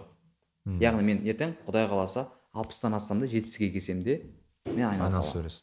Просто мен айтқым келгені айтайық бір жігітті жақсы жүріп жатыр ол сезіп тұр менен бір нәрсе шығады де- дегенде бірақ айтады мен ол жақта ақша жоқ қой немесе там мен күн қалай күн көремін деген сияқты. Как минимум әке шешесінен бір не алады ыыы сөз естиді және өзі де айтады мен ертең шынымен қалай істеймін. Ол бар ма жоқ па нәрсе Ә, сондай жігіттер енді бастап жатқан жігіттер ертең қиналып қалмасын деп біз қазір былайша айтқанда соқпақты бүйтіп түзеліп келе жатырмыз. Яғни Мм. біріншіден региондарға шығып стендап концерттер жасап Иә, жатырмыз. Былайша айтқанда дайындап кетіп жатырмыз ғой.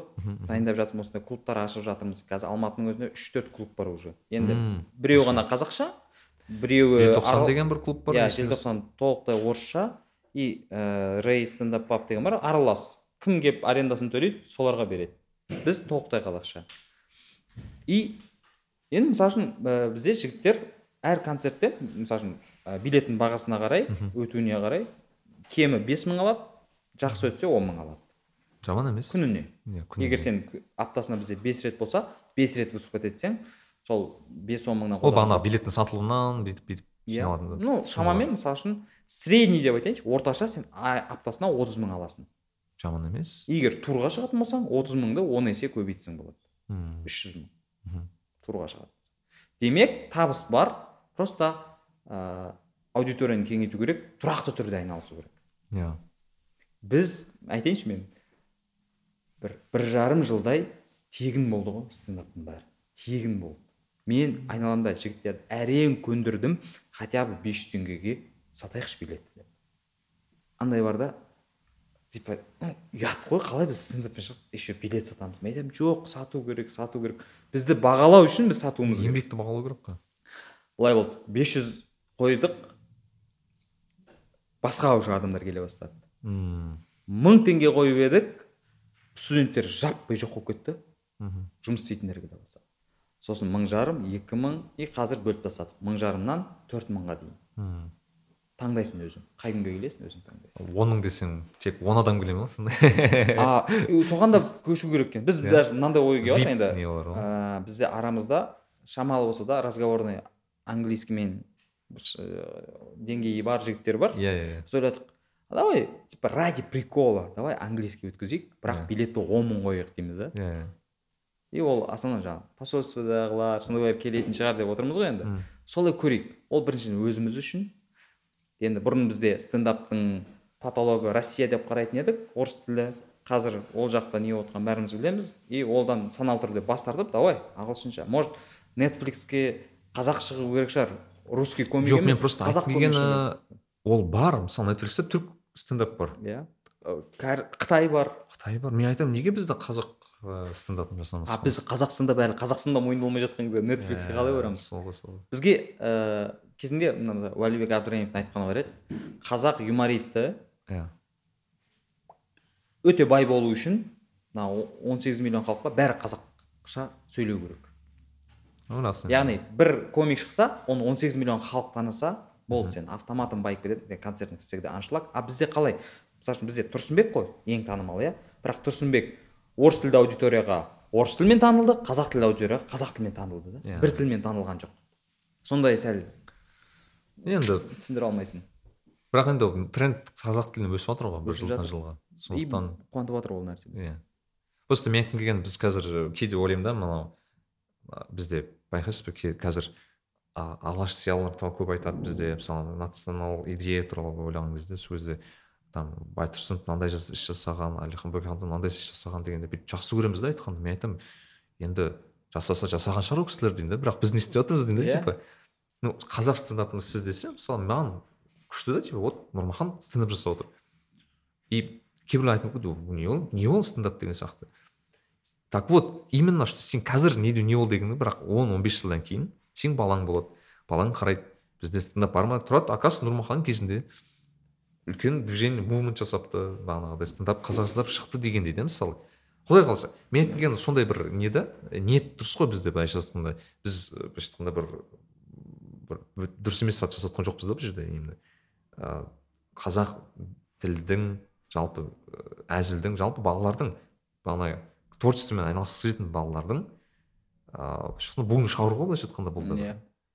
Иә, негізі ә, маған бұл нәрсемен түбегейлі айналысып кетуіме әсер еткен нәрсе ә, жастардың сол нәрсеге ә, қол ұруы былайша айтқанда. Мен былай болып жүрген жаңағы орысша стендап айналысып жүрмін. Қазақша кезінде өтпей қалды. И андай қорқыныш болды. «Е, шынымен қазақша өтпейтін шығар. И қараймын жаңағы ғалымжан дидар деген жігіттер аңсаған нұреке давай жасайық өзіміз жасайық деп кәдімгі ұрып жүр да а мен бүйтіп қарап отырмын да «Ә, қалай болады екен деп. Ше қорқыныш бар өйткені. Бір рет бетім қайтып қалды ғой. Жоқ біз короче жасаймыз. И қарасам өздері ұйымдастырып кіріп кетті мен айттым жігіттер если сендер осыны қолға алатын болсаңдар мен қолдаймын. Жастар кажется андай да бізде без тормозов дейді ғой вообще андай. Не жоқ қорқыныш болған жоқ та оларда ше. Ұрып былай былай мұзды жарып бара жатыр и мен айттым да все мен сендердің кемелеріңе отырамын дедім и мен чисто ол жерде жаңағыдай жасыма байланысты былайша идейный вдохновительмін деймін да мен. Қалай болу керек кімдер выступать ету керек сол жағынан бүйтіп жүремін жаңағыдай общий ағалық нелеріңізді айтасыз иә мен негізі олай ондай позиция онша ұнамайды бірақ ыыы олардың сұрайтыны менен сол. Мм. Мына не істеу керек мына жерде қалай қылайық деп ақылдасып сөйтіп сұрайды и мен айтамын осылай болу керек былай болу керек. Мысалы үшін ыыы велосипед ойлап табудың қажеті жоқ америкада осылай жасады россияда осылай жасады. Мхм. Бізде шамамен солай жүруіміз керек.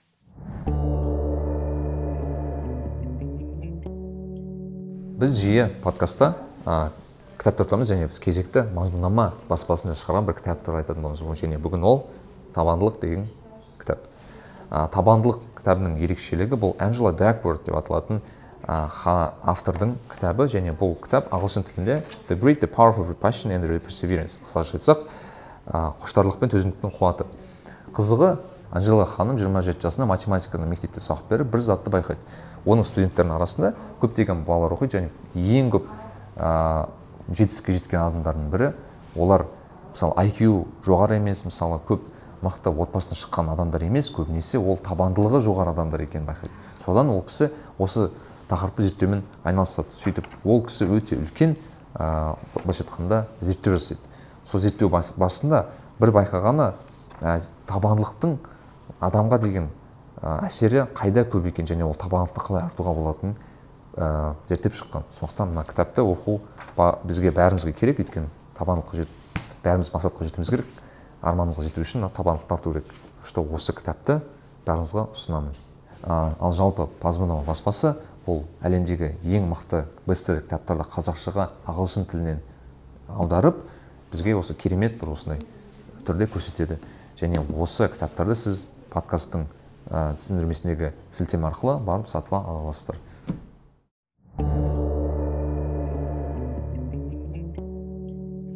Неге ойлайсыз ба? Неге бір телеканалға шығады стандарт негізі қаламайсыз ба? стендап не про телевидение дейді ғой. Мен де соны ойлаймын негізі. Өйткені біз ә, қанша енді бір бес алты жыл болып қалды стендаппен жүргенімізге телеканалдар всегда ұсыныспен шығады. Үм. бірақ сразу жаңағы цензураның мәселесі ананы айтпай ақ қойыңдар мынаны айтпай ақ қойыңдар. Айтамын онда онда стендап болмайды онда. Иә. Онда сендер андай какой то бір юмористический сондай бір нәрсені либо андай бір өте м, фильтрованный юмор өте сондай сондай болып кетеді. Сосын бұрын ақша үшін а давай дейтін едік. Типа е хотя бы қалтамызға ақша түсіп тұрады деп ше? Бір екі рет істеп көрдік қой. Кейін қазір бізге келіп жатқан халықтың ықыласын көреміз да концертпен табыс табуға болатынын көріп біз уже открыто отказ жасайтын болдық қызық емес бізге. Қызық емес. Егер қызықсаңдар біздің мынандай жобамыз бар. Иә. Осыған келіңіздер. иә осыны алыңдар біз осы мына жігіттер осы жобаны жасаймыз.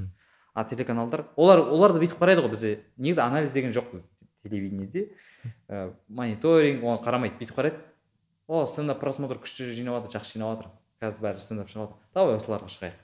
Мен анау ыыы, подкастпен айналысып жүрген кезде маған те- теледидарда подкаст шыққан кезде таң қалдым. Я говорю подкаст это вообще не про телевидение деймін да? То есть это вообще келіспейтін формат қой Иә. бір біріне мысалы мен айта алмайтын заттар бар телевидениеде мысалы мен спокойно ютубта айта аламын деген секілді да мысалы. То есть қанша дегенмен менің ойымша цензураның несі қатты бар иә рөлі бұл жерде. Негізі егер телевидение дамимын десе негізі келу керек сондай қадамға. Бірақ андай емес та о! деп емес. Кәдімгі система. Так біз бірінші өзімізден жаңағы прямой эфирларымызды көбейтейік деген сияқты. Сол, сол кезде біз оларға сенеміз былайша айтқанда. А сендер мынандай істер істеп жатсыңдар. Демек біз сендермен сотрудничать ете аламыз. Мхм. біз сендерге сенеміз. Ертең кесіп тастамайтындарыңа сенеміз. Просто мен мынандай мәселе ресейдегі қазір жағдайдан кейін мынандай қатты затты ойланып қалдым да қазір мысалы ресейдің көп комиктері украинаға жақтас. Иә бірақ айта алмайды. Бірақ айта алмайды. Бағана біздің отандасымыз сабуров бар ол туралы немесе көптеген мысалы біз куджи подкасттың балалары бар иә мысалы. о- соғыс басталғалы шыққан сол сұхбат иә. көп мысалы бағана лейбл оның балалары вообще не істеп қалды бүкіл чбд да бәрі жабылды былайша айтқанда. И мен мынандай бір риск бар да былай ойласам бізде қазақ әзілінің қандай рисктар бар десе менің ойымша бірінші мәселе ол саяси мәселе секілді себебі ертең мысалы айтайық сіз шығып мысалы мемлекетте бір өте дұрыс емес заң қабылданып жатыр мысалы. Сіз шығып ол дұрыс емес дегенін айтсаңыз және сізді цензураға бүйтіп жапса онда не болды? Бағана тура айтыс секілді болады да бізде сонда. Өзімізге өзіміз сұрақ қоюымыз керек сияқты. Менде негізі саяси әзілдер көп болды и және маған оны бірінші кезекте тыйым салған ата анам болды самоцензура қатты бізде ішкі Иә, цензура ата анам қоя қойшы деді да. Зачем саған? Ол и мен чисто олардың денсаулығын ойлап басқасын ойлап пока хорошо деймін да. Чересчур подтекстін жіберетін болдым. То есть түсінетін адам ғана түсінеді. Былай түсініксіз. Солай жіберетін болдым. А ресейдегі жағдайда негізі енді естиміз ғой бір тусовкадамыз ғой былайша айтқанда. Иә. Оларға нақты тапсырма берілген. Үндемеңдер. Иә. И түк болмағандай жұмыстарын істей беріңдер түк болмағандай. Енді түк болмағандай жүре алмайтындары жаңағыдай куджи болсын жаңағы чбдлар болсын олар просто шығармашылығын тоқтатты былайша айтқанда. Мхм. тоқтатты. То есть или олар притворяться должны өтірік. Ештеңе болмаған. Или бірдеңе айту керек. Оларға айтып жатыр айтпайсыңдар немесе мынандай олар а онда давай закрываемся закругляемся все кеттік. А сабуровтың мәселесі негізі сабуров не только ну аполитичный ол асоциальный адам. Закрытый өзі закрытый адам өмірде. Былай ойымен бөлісе бермейтін адам да. Иә. И оның бір нәрсеге қатысты ойын шығару үшін білмеймін енді дуть познер аман тасыған тимур балу отырып интервью алмаса төртеуі қатар. Былай ол ашылмайтын адам. Мен енді ортақ таныстарымыз өте көп қой. Айтады вообще айтпайды ештеңе. Вот это сильно разнится да вот мысалы дэйв шапелдің мысалы америкадағы несін көрсем мысалы дэйв шапелдер көп приколдар бар ғой мысалы ана макдональдста тамақ ішіп Иә, отырған ол- туралы немесе бағанағы отырып ду хей бро деп бүйтіп амандасып кеткен. И сондай ойлаймын да все таки былайша айтқанда халықтың дұрыс мағынадағы не стендапер ол шынымен халықтың арасында болу керек сияқты. И мынандай мәселе бар сияқты. Көп стендаперлер шыққан кезде бір белгілі бір агрессиямен шығады да. Иә. Агрессия вот дұрыс агрессиямен шығады да типа былайша айтқанда и он должен рвать да мысалы ана жерде. Он должен бүкіл әл бүкіл жинаған несін бәрін мысалы сабуров солай бастады да мысалы өте бір агрессивті бірақ андай бір приятно агрессивті сондай бір юмормен да мысалы кішкене бір надменность кішкене Иә. былайша айтқанда. Бірақ менің ойымша как раз сен айтқанша ол шаршайды адамдар бір күні иә шаршады да шаршады жаңағы спешл өтпей қалды деген сияқты. Сонымен қазір енді ыыы тоже жаңағы ортақ таныстарымыздан естиміз что ол материалын өзгертіп то есть образын өзгертіп бұрынғы сабуров емес более трушный уже. Бірақ енді мынандай ситуация болып қалды да тағы мен короче мына жақында ойландым да осы стендапты деген кезде маған өзімде идеялар болады да мысалы сіз де айттыңыз ғой мысалы кейде шығуға болады Иә. менде болады мен мен талай бір ана өмір сүргенде историялар бар да бірақ шығу айтқым келеді. И ә, мен мен бірақ андай абсурдный нелерді ойлаймын да кейде. Мәселе мысалы мен бір имамның шыққанын қалаймын да мысалы. Стендапқа конечно өте көп сұрақ пайда болады Иә. белгілі бір хейт пайда болады но блин это такой ну типа крутой не болады да андай ә, сигнал да что типа біз даже діни адамдар ретімізде имеем самоиронию мысалы по идее да мысалы. Былай қарасаң олар халықтың нағыз халықтың адамдары солар ғой мысалы былай қарасаң. Біз ұсыныс жасағанбыз да. То есть таныс, да? таныс ыыы діни мамандар бар ғой. Олар айтты ыыы ол халық дұрыс түсінбей қалады. То есть халық несерьезно қарап кетеді бізге имамдарға дін мамандарына. Несерьезно бір қарап жағынан менің ойымша ол стендаптың өзі бір белгілі бір деңгейде халықтың бір сүйікті бір ісі сүйікті бір бағдарламасы. Иә площадкасын айналу керек. айналған кезде уже иә. келудің өзі ана не кринжово дейді былайша Иә. келген. Ә, россияда қазір сондайға айналып бара жатыр. Россияда қазір метроның жүргізушісі кассир ну вообще басқа саланың адамдары бар ғой. Просто келіп высказаться. Ол айта алмайды мысалы үшін үйіне барады е сен жұмысыңдағы проблема керек емес жұмысында не деп айтады и ол өзінде жинай береді да. И сонымен там суицид болады болмаса алкоголь кетіп қалады. И қазір стендап россияда сондай площадка болып жатыр. Просто келеді ол күлсін күлмесін келеді да от душины шығарып шығарып тастайды кетеді. Мен анау соңғы кезде такси ұстаймын ғой алматыда сол кезде байқайсың ғой осы такси, такси нағыз стендаперлер таксисттер секілді. Мә аналардың историясы бітпейді потом бәрін оқиды ғой кісілер. Ана бүкіл ютубтағы Иә. бүкілін біліп алған бүкіл сериалдағы сәлемнің бүкіл сериалын қалап алған дегендей да соны ойлаймын бұл кісілер еще адаммен ең адаммен коммуникация жағы бәрі иә бар. и адаммен ең көп не істейді ғой пересекаться етеді ғой Иә, иә. көнігі көреді ғой адамдар. Былай ойлайтын мә бұл кісілердің айтылатын көп қой деген мысалы стен- такси стендапер шықса деген сияқты мен ә, да. бір кісі осылай әңгімесін бастады. Целый поездка. О бәрін айтты сосын мен айттым аға осының бәрін бізге келіп айтсаңызшы М. номеріңізді беріңіз деймін ғой. Шақырамын десем ой мен ой сен айта бер сен айта бер. Мен айттым жоқ. Ана еще типаж да кәдімгі аға үлкен ну бір елудегі кісі прям шаш аппақ еще очки таққан сақал. Короче, эпатажный иә мен айтамын аға сіз персонажсыз. Сізге шығып айту керек. Иә андай таксистер көп неше түрлі. Е деп жүреді. Бірақ сіз персонажсыз деймін ғой кәдімгі. Типа сіз шығыңыз десем ой жоқ мен ертең проблема болады анда қашты а вот не айтамын да негізі сондай адамдар келу керек. Мен мысалы үшін қырықтан асқан таныстарыма айтамын келіңдер проблема бар. сен ажырасқансың келіп айт соны деймін да. Айт.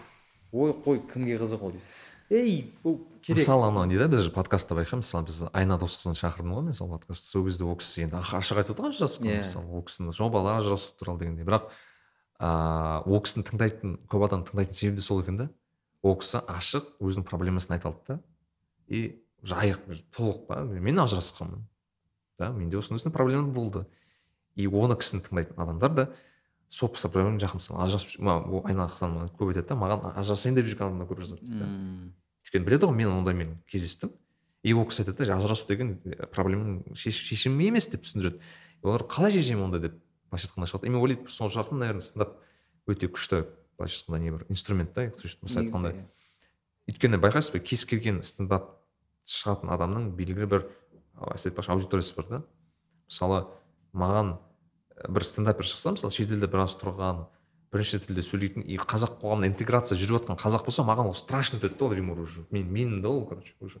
Менің олицетворением осы кісі да короче и мен ойымша мысалы дэйв шапелдың да мысалы америкада қатты не болды ол кісі қара нәсілді америк среднестатистический американец именно афроамериканецтің несін проблемаларын шығара алады да мысалы.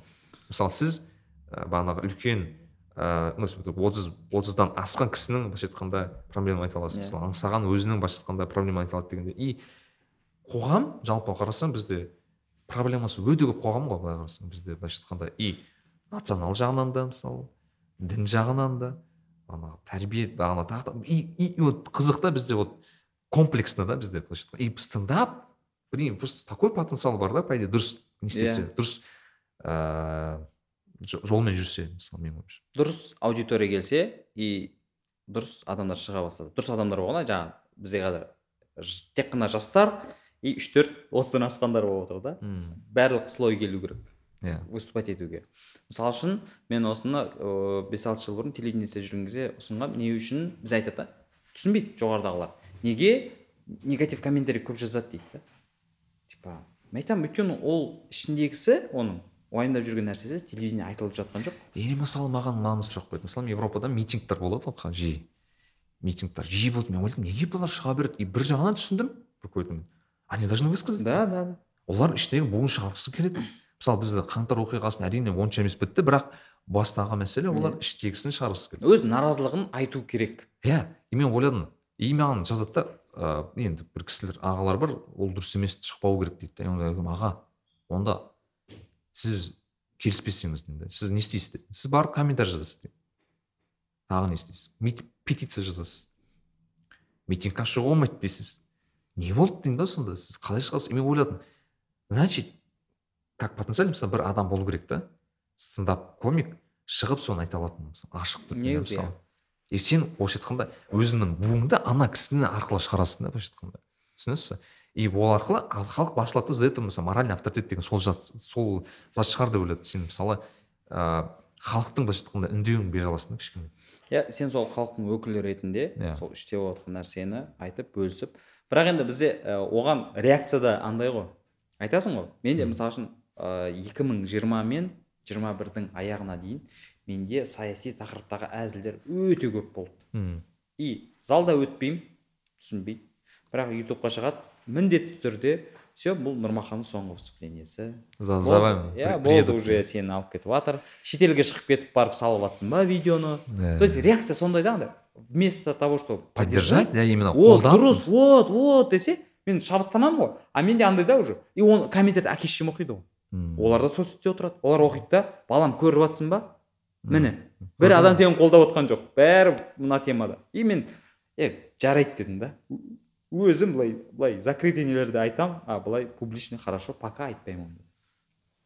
Просто менің ойымша бір бізден бір бірден бір риск осы қаңтар әсіресе оқиғасынан кейін бізге бұл табу тема болмау керек саясат мүлдем. Негізі иә, айтылу керек. Оған ыыы реакция да қызық негізі. Неге? Айтасың ғой.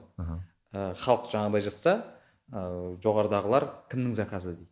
Иә. То есть оказывается мы шутим по заказу. Ну сондай нәрселер бар да и айтасың да блин біреуден заказ алып не алатын болсақ біз гүлденіп кетпейміз. Мысалы мен қазір соңғы мен айтишник айти маманы ретінде мысалы қазір көп мысалы сіз бар бағанағы иканың балалары бар тағы тағы көп именно вот креатив индустрияда жүрген балалармен араласамын и байқаймын олар да таңқалады да говорит мен сонда мен мынаны айтсам мен мынаумын мынаны айтсам мен мынаумын дейді короче былайша айтқанда. То есть сен четко өзіңнің позицияң болмау керек. Иә сен сен бір рас плывешь короче өзімен өзің жүресің мен айтамын мен, мен маған десең сен бэнкси болуың керексің деймін да короче. Просто сам по себе ешкіммен жұмысың жоқ мысалы да былайша айтқанда и білмеймін как то мүмкін полярность дейді былайша айтқанда қоғамда бар секілді да мысалы біз ол бар. Мен мысалы мына затты байқадым мысалы сіз даже админ аноннан байқайсыз админ анонға жазылыңыз айтпақшы админ анонда ыыы көп стендаптар бар э, стендаптың ғой ана ш- шығарылымдар өте көп жинағандар бар да мысалы және өте аз жинағандар бар мысалы. Немен бүйтіп алдында отырмын да жасаймын, неге админ анонда бір қызық қой маған дейсің как социальный ретінде қызық. И бір бір зат байқасам именно адамдар аудитория стендап ә, подкаст үшін емес именно қонақ үшін келеді да қонақ үшін. Яғни сенің белгілі бір қонағың. Бірақ определенно қонақтың өзінің белгілі бір аудиториясы бар мысалы. Иә. Айтқанда қазақи сонда ә, ортаға танылған адамның қазақи сондай бір адамдар немесе ана сіз айттыңыз мысалы алжикпен Иә. шыққан подкастта мысалы ресейден келді да мысалы адамдар СНГ. снг дан келді мысалы и ә, қызық та маған ойланып қарасам біздегі кейбір халық ә, физически бір жерде өмір сүргенімен басымен басқа жақта өмір сүреді да Иә. мысалы ә, мүмкін білмеймін кейбір мысалы мен, менде сондай проблема бар мысалы мен еуропада отырамын бірақ басым басым мен қазақстанда жүріп мысалы өйткені маған инстаграмда қазақстан бүкіл нені қарайтын ютубымда қазақстан сериалдар да қазақстандікі мен былайша айтқанда физически только ана жақта орналасқан. И ондай адамдар аз емес и бізге ыыы негізі уже орыс тілді медиадан қашып былайша айтқанда. Батыстың несін қарау керек. Яғни бізде бізде қалай болады? Біз жасап жатсақ міндетті түрде орыстан қайталап жатыр деген. Ә, месседж бар иә. иә. А может біз қайталап жатқан жоқ шығармыз. Біз может оны америкадан көрген шығармыз. Ну. Американский болмаса британский медиадан көрген жоқпыз и сол жағынан сәл м, қаншаласында мүмкін. Өз өздерің ана жаққа кіріп кеткенсіңдер медиаға? Бірақ мен мысалы байқадым қазір мысалы ол ресейдің соғысынан бастап ыыы көп қазақстандық қазақтар именно қазақ кісілер орыс тілді олар уже мынандай ыыы мүмкін патриотизм оянып кеткен шығар мүмкін мен айтамын да соны. Енді анау көріп жатырмын ғой блогерлерді болды енді қазақша контент жасаймын дейді мен айтамын енді сен қазақша контент жасауыңа неге ресейдің украинаға басып кіру Неге біреу соғыс ашу керек иә сондай болу керек пе еді? Иә. ей осы қашан шырылдап жүрдік қой. Иә мен орыс тілді стендапта шығып жүрмін. Иә. Бірақ айтатынмын мен қазақша контент қазақша контент қазақша контент. И олар күлетін бізге. Кәдімгідей күлетін. Андай жасырып емес в открытую бетіңе ей ей сендердің де бір уақыттарың келер деп сөйтіп күлетін да. А оны намыстанасың е қалай? Неге өйтесің сен? А қазір солар қазақша контент деп шығып жатыр да айтатын ей жігіттер не болды мынау деп? Айтылдық қой кезінде кезінде айтылды иә ыыы бізге енді санды көбейту керек негізі. Сан болғанда бар ғой санымыз иә. Соның белгілі бір ә, форматтарға деген кезде аудиторияны таныту керек. Мысалы үшін кеше мен сені подкастқа шақырдым. Иә. Ютуб аудиториясы нәрікби деген жігіттің бар екенін білді. Иә мүмкін иә белгілі бір аудитория білген шығар но вообще басқа аудитория да ютубта Иә, мен өзім де кім екенін білмейді бір жерден көргенмін деп сөйтіп жүреді да. И солай бір бірімізді солай былайша айтқанда басқа аудиторияға маған ана ең қызық болған ана кім бар ғой? Ыыы қазақ репаблик бар ғой бізде сәкен жұлдыз деген иә. сәкен күшті айтады да алдында маған қызық дейді да. Біз енді в основном негізгі маркетинг басында фейсбук болған қазір енді в основном инстаграм дейді да. Бірақ менің ыыы подросток нелерім бар сестренка братишкаларым бар дейді да енді. Олар ыыы қарындастарым мынандай дейді да. Ыыы менің былайша айтқанда қазақ өте танымал бренд қой бізде. Олар оның танымал екенін білмейді дейді да. Неге? Өйткені олар тиктокта тиктокта қазақ қазақ жоқ дейді. Сонымен мен ойландым да бір күні тикток нелерге қазақ репаблик бере бастадым дейді просто киіп шығыңдар и так далее и маған сестренкам жүгіріп келіп айтады мә пәленше пәленше тикток киіп жүр ғой неңді деп айтады. Мен айттым сен жыныс па сен айналған қараса жарты қазақстан киіп жүр ғой дейді да енді. Қызық та то есть біз ана баблда өмір сүреміз да белгілі бір сол жақтан шықпаймыз дегендей негізі ол мен айттым ғой жаңағы бәріміз бір тілде сөйлемегендіктен де бар ол негізі. Иә. Біз жаңа өткенде қазақ граммардың жігіттері айтып жатыр би- билингвал болу керек деп. Ол негізі біріктірмейтін сияқты. М, біріктіретін бір тіл. Мхм. бір мәдени бір тіл болу керек та. Өйткені сен ұлтың иә әзірбайжан там орыс армян бірақ қазақстанда тұрасың ғой. Қазақша түсінесің қазақша көресің. Болды. Сен уже бізді көресің былайша айтқанда. Сен орыс тілді блогерлерді қарамайсың. Сен бізді көресің. Сен танисың. Ертең бір мерекелік кешің бір тойың болса сен қазақ әншісін шақырасың болмаса қазақ тілді ведущийді шақырасың. Иә. Дәл солай. Болмаса ыыы жаңағыдай қазақ тілді бір ыыы, өнімді сондай условно говоря қандай болады? Бір ұлттық киім болсын бәрі сондайлар ала бастайсың да. Өйткені біріктіруші тіл. Иә. Қазақ тілі. Сол кезде ғана меніңше біз қандай платформада қандай площадкада жүрсек те бір бірімізді түсіну қабылдау тез болатын сияқты оңай болатын сияқты. Мен өзім ойым енді. Иә. Мен өйткені оған неге келісемін себебі тіл ол бірінші фильтр ғой информация қабылдауда. Негізі былай қарасаң. Мен кейде таң қаламын. Даже вот қазір курстар көп қой мысалы.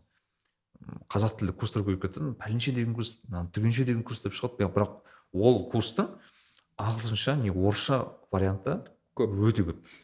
Бесплатно жатыр. Ютубты ашып қара деймін да. Бірақ қазақ тілді кісілер оған ақшасын беріп төгеді да мен неге деймін ғой? Неге сен олай жасайсың десем менің тілімде дейді иә иә сол. И мен мысалы өзім немесе менде мысалы орыс тілді де подкасттар шыққан да. Өйткені енді көп білесіздер бізде Иә. көп қазақтар сөйлей бермейді сөйлегісі келсе де. Бірақ ыыы ол кісілер маған айтады? Хейт хейт емес енді айтады неге сен қазақша жасамадың дегенде. Мен айтамын енді сендер контент үшін келдіңдер ма? Немесе мен қазақша сөйлеген үшін келдім десе маған шын рас расымен қазақша сөйлеген үшін келген деген комментарийлер келді. Сол кезде мен түсіндім. Аха значит белгілі бір деңгейде адам тіл үшін ғана келеді екен. То есть мысалы сен сенде екі вариант бар. Сен қайсысы саған жақын соны таңдайсың да былайша айтқанда сосын бізде мынандай сәл қате түсінік бар жаңағы билікте отырған кісілер де көп айтады қазақтың қазақстанның там тоқсан проценті орыс тілін түсінеді дейді ол негізі олай емес қате қате пікір Иә. жоқ маған. батыс қазақстанда атырау ақтау жақты болмаса оңтүстік қазақстанның қаншама аймақтары бар түсінбейді. өзіңіз де айтасыз ғой мысалы ана өзбек тілінде иә мен мен менің ә, даже екінші емес бірінші тілім өзбек тілі болған Иә. өйткені мен тұратын ауыл өзбек тілді. Өзбек тілді емес енді өзбектер көп. И өзбекстанмен шекаралас болғаннан кейін тек қана өзбек телевидениесін көріп өстім. То есть он жеті жыл бойы өзбек телевидениесін көріп ислам каримов сіздің президент президент. мен сөйтіп айтатынмын. Как будто президентіміз ислам каримов сияқты. Иә. Деп. И қазақша білемін ғой. Бірақ қазақшам өзбекше аралас та. Яғни шала қазақтар орысша қазақша аралас болса менікі өзбекше аралас болып кетті. Огурцыды бодряйын деп. Кәдімгідей әлі күнге шейін кетіп қалады кейде шығып кетеді. Өзім байқамаған жағдайда. И мен білемін да ол жерде орыс тілі жоқ. Біздің ауылда орыс тілі жоқ. Атымен жоқ. Атымен жоқ. Орыс тілі деген сабақты өтеміз бірақ сөйлей алмаймыз өйткені. Табиғатымызға жақын емес та ол. И мен алматыға келемін. Керісінше дискриминация мен орысша білмегенім үшін дәл солай өте көп аймақтар бар. Просто бізде жаңағыдай ғой алматы мен астанамен бәрін өлшеп тастаймыз. Бүкіл қазақстан менде де вот жақында өзім байқадым біз бағана белгілі бір балалармен отырған кезде қазақстанда пәленше түгенше деп отырады да мен сол кезде біреу тоқта тоқта деймін да. Қазақстан дегенде біз не туралы айтып отырмыз? Қазақстан деген үш қала емес деймін да.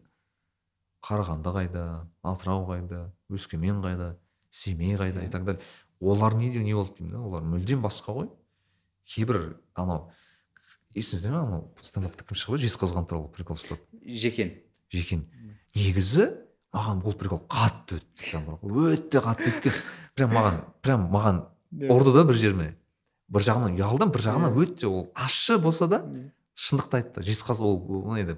Тыңдармандарға ыыы жезқазған деген қала енді кейде не деп айтты? Білмейміз деді ма? Сондай Иә. бір сөз айтты ғой жезқазған қайда? Қайда деді? Мысалы менде ойлап қалдым шынымен мен қазақстан туралы бірде бір мағлұмат білмеймін.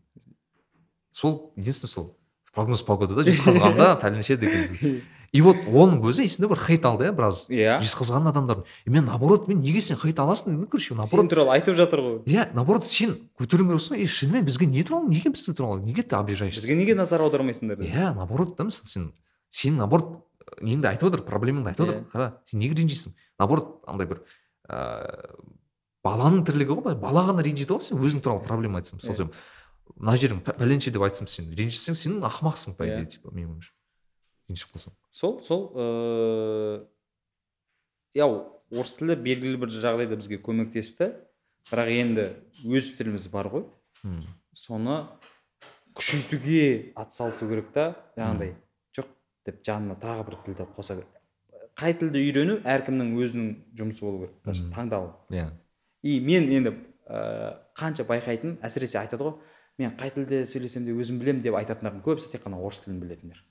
Иә мен қазақ тілі ол кісілерден оны байқамадым. Қазақ тілдері олай айтпайды ағылшын тілін болмаса түрік қытай тілдерін біл- білетіндер олай айтпайды. Өйткені ол біледі ол шынымен де сөйлегісі келсе сөйлей алады.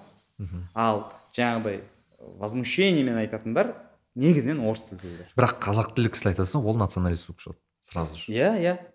Сен бізде толерантты емес екенсің деп. Біз получается тек қана орыс тілділерге ғана толерантты болуымыз керек. Болып тұр ғой. Иә. А өз тілімізге неге біз былайша айтқанда біз біздің позиция қорғау ғой негізі. Иә. қорғау жан ашу. Бірақ енді сондай әңгімелер естіп қаламыз да сосын.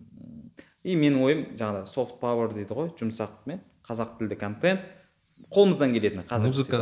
иә музыка. Кино сериал. Соның сапасын арттыру арқылы. Сапасын арттырамыз. А деп қарай бастайды. Қазақтар. Мысалы үшін түрік тілді аймақтар бар ғой ресейдің құрамында. Олардың бізге деген респекті біздің өзімізден асып кетеді. Түркі тілі түркі тілдес мысалы ноғай халықтары ноғай карачаевый черкес татар башқұрт. Олар ресейдің құрамында болғанмен ментально олар орыс бізге жақын бізге и жақын. орыс тілді медиадағы контент оларға жақын емес өтпейді. И олар бізді көреді да о мына что то родное дейді да. И біз а получается біз біргеміз ғой. Біз бір бір темада жүрміз ғой иә и біз оларға сапа арқылы көрсетеміз. Олар бір респект қай жағынан? Біз істей алмай жүрген нәрсені істеп жатсыңдар ғой деп айтады. Сондықтан мен как то отырып бір ә, подкастта болғанмын татар татардың қыздардың бір подкастын тауып сөйтсем қазақтарды обсуждать етіп Иә, иә, да, иә, мен- приколдар өте көп та андай. Да менде татар достарым бар айтамын ыыы татарстанда тнв деген канал Иә. бар. Олардың қазақстан деген канал секілді. Айтамын мен тнвны қоссам бәрін түсінемін деймін да сендердің. Иә. полностью прям один в один түсінемін сендер не деп жатқандарыңды. А деп бүйтіп.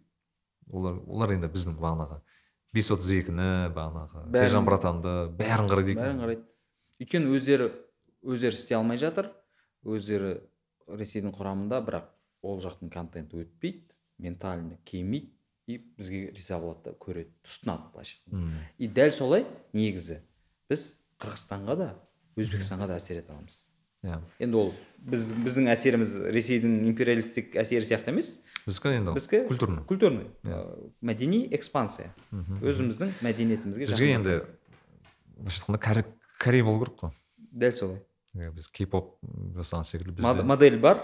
Иә. біз соны просто қолдануымыз керек. Найс былай де былай қарасаң маған осы идея больше И- ұнайды. ыыы енді байқасаң енді қанша нәрселермен айналысып жатырмыз ғой. Бірақ дәл қазір енді біздің қазақтардың қолынан келіп жатқаны ол шығармашылық жаңағыдай. Мхм. и жаңағы IT Иә. жақында ғана айту. Иә. Ну кейін келіп жатыр қолдарына и демек жаңа осы подкасттың алдында айттың ғой жаңағы футболға қатысты. Біз не то развиваем деп. Мен жүз пайыз келісемін. Ол бәрі ыыы қай жерде біздің қабілетіміз бар қай жерде біздің артықшылығымыз бар? Усиляй сильно дейді ғой Сол қай жерде қабілетің қандай жақта жақсы мен мен жеке өз көзқарасым неге? Мысалы бізде сұрайды да ыыы ресейде айти ресейде немесе беларусь украинада айти қатты дамыған неге бізде дамымайды деп бір уәж айтатын кісілер бар? Я говорю сори бірақ олар алпысыншы жылдардан бері сондай олар. Негізі мен өйткені ол кісілерді білемін. Мысалы мен бір инженерден сұрасам әкем де инженер шешем де инженер атам да инженер деп айтады да мысалы. Менің семьямда вот менің отбасымда мен жалғыз инженер не то что менің әулетімде мен жалғыз программистпін. Мен тұратын аймақта иә иә мен айтамын айналайын мен мен вот честно мен мектебімнен иә мен жақсы бір физмектептен мен чуть ли не единственный адаммын который шетелге шығып жұмыс кетіп, кетіп қалған да мысалы. И сен что вы от нас требуете дейді біз енді соны былайша айтқанда сіздер стандартты бастап жүрген секілді біз де Иә. бүйтіп енді енді соны келесі адамдарға соның жолын жасап жатырмыз да. Оларға да былайша айтқанда көкіректерін кеңейтіп жатырмыз мысалы көріңдер көкжиек көкжиек мынандай ә, не емес та қысқа емес Иә. мысалы сендер көретіндей дегендей. И біртіндеп біртіндеп қана өзгереді. Бірақ мен келісемін шынымен креатив индустрия бізде шынымен қаттырақ дамыған. Өйткені мен мысалы бірінші рет айттым ғой мысалы мен сіздің подкастыңызда айттым иә мысалы найнти уанның болсын бағанағы Иә. нелер көрсетемін айтамын қараңдар и картинка жағынан болсын не жағынан болсын ешқандай претензия жоқ. Бір жағынан неге олай? Менің жеке ойлаймын біз кәрістердікі сияқты аутен- аутентиканы сақтаймыз да кейде біз өзіміздің белгілі Иә. бір аутентикамыз бар да и вот ә, негізі ә, ең қатты бағаланатын зат негізі аутентика аутентичный бір зат қалған иә бізге ғана тән бір сендер нелер, сол иә. кәріске ғана тән жапонға ғана тән қазаққа ғана тән зат сен сен сол изюмканы көргің келеді да вот мынау Иә. қалай мынау деген секілді и мысалы анау неге түркістанды өзгертті ғой бізде қазір Иә. жақында.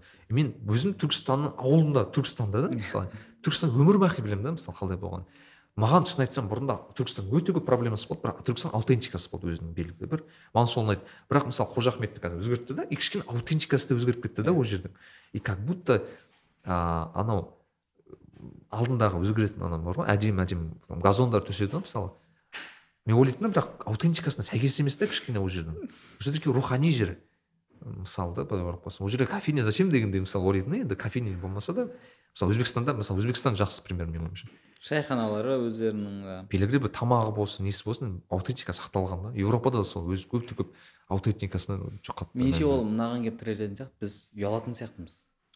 Иә. қазақи бірдеңе болса одан ей деп қашатын сәл ұялатын өз өзімізді психологиядағы мәселе біз өзімізді қабылдауымыз керек иә? Иә. Біз осындаймыз. Иә біздің проблемамыз бар. Иә біз осындай иә біз орысша акцентте сөйлейміз. И че Типа, біз зато біз осындаймыз біз қазақпыз. Иә. Біз мына жаққа ұмтылып бара мен просто көп айтатыным сол себеп та шетелге қазаққа шындыршы деп айтатын себебім мысалы францияға көр германияны көр көресің ал нағыз аутентиканы көкесін көресің адамдар вообще нормально. Иә ағылшын білмейді. И сен этникалық қазақтарды көрдің ғой? Кеше әңгімелестік сол туралы.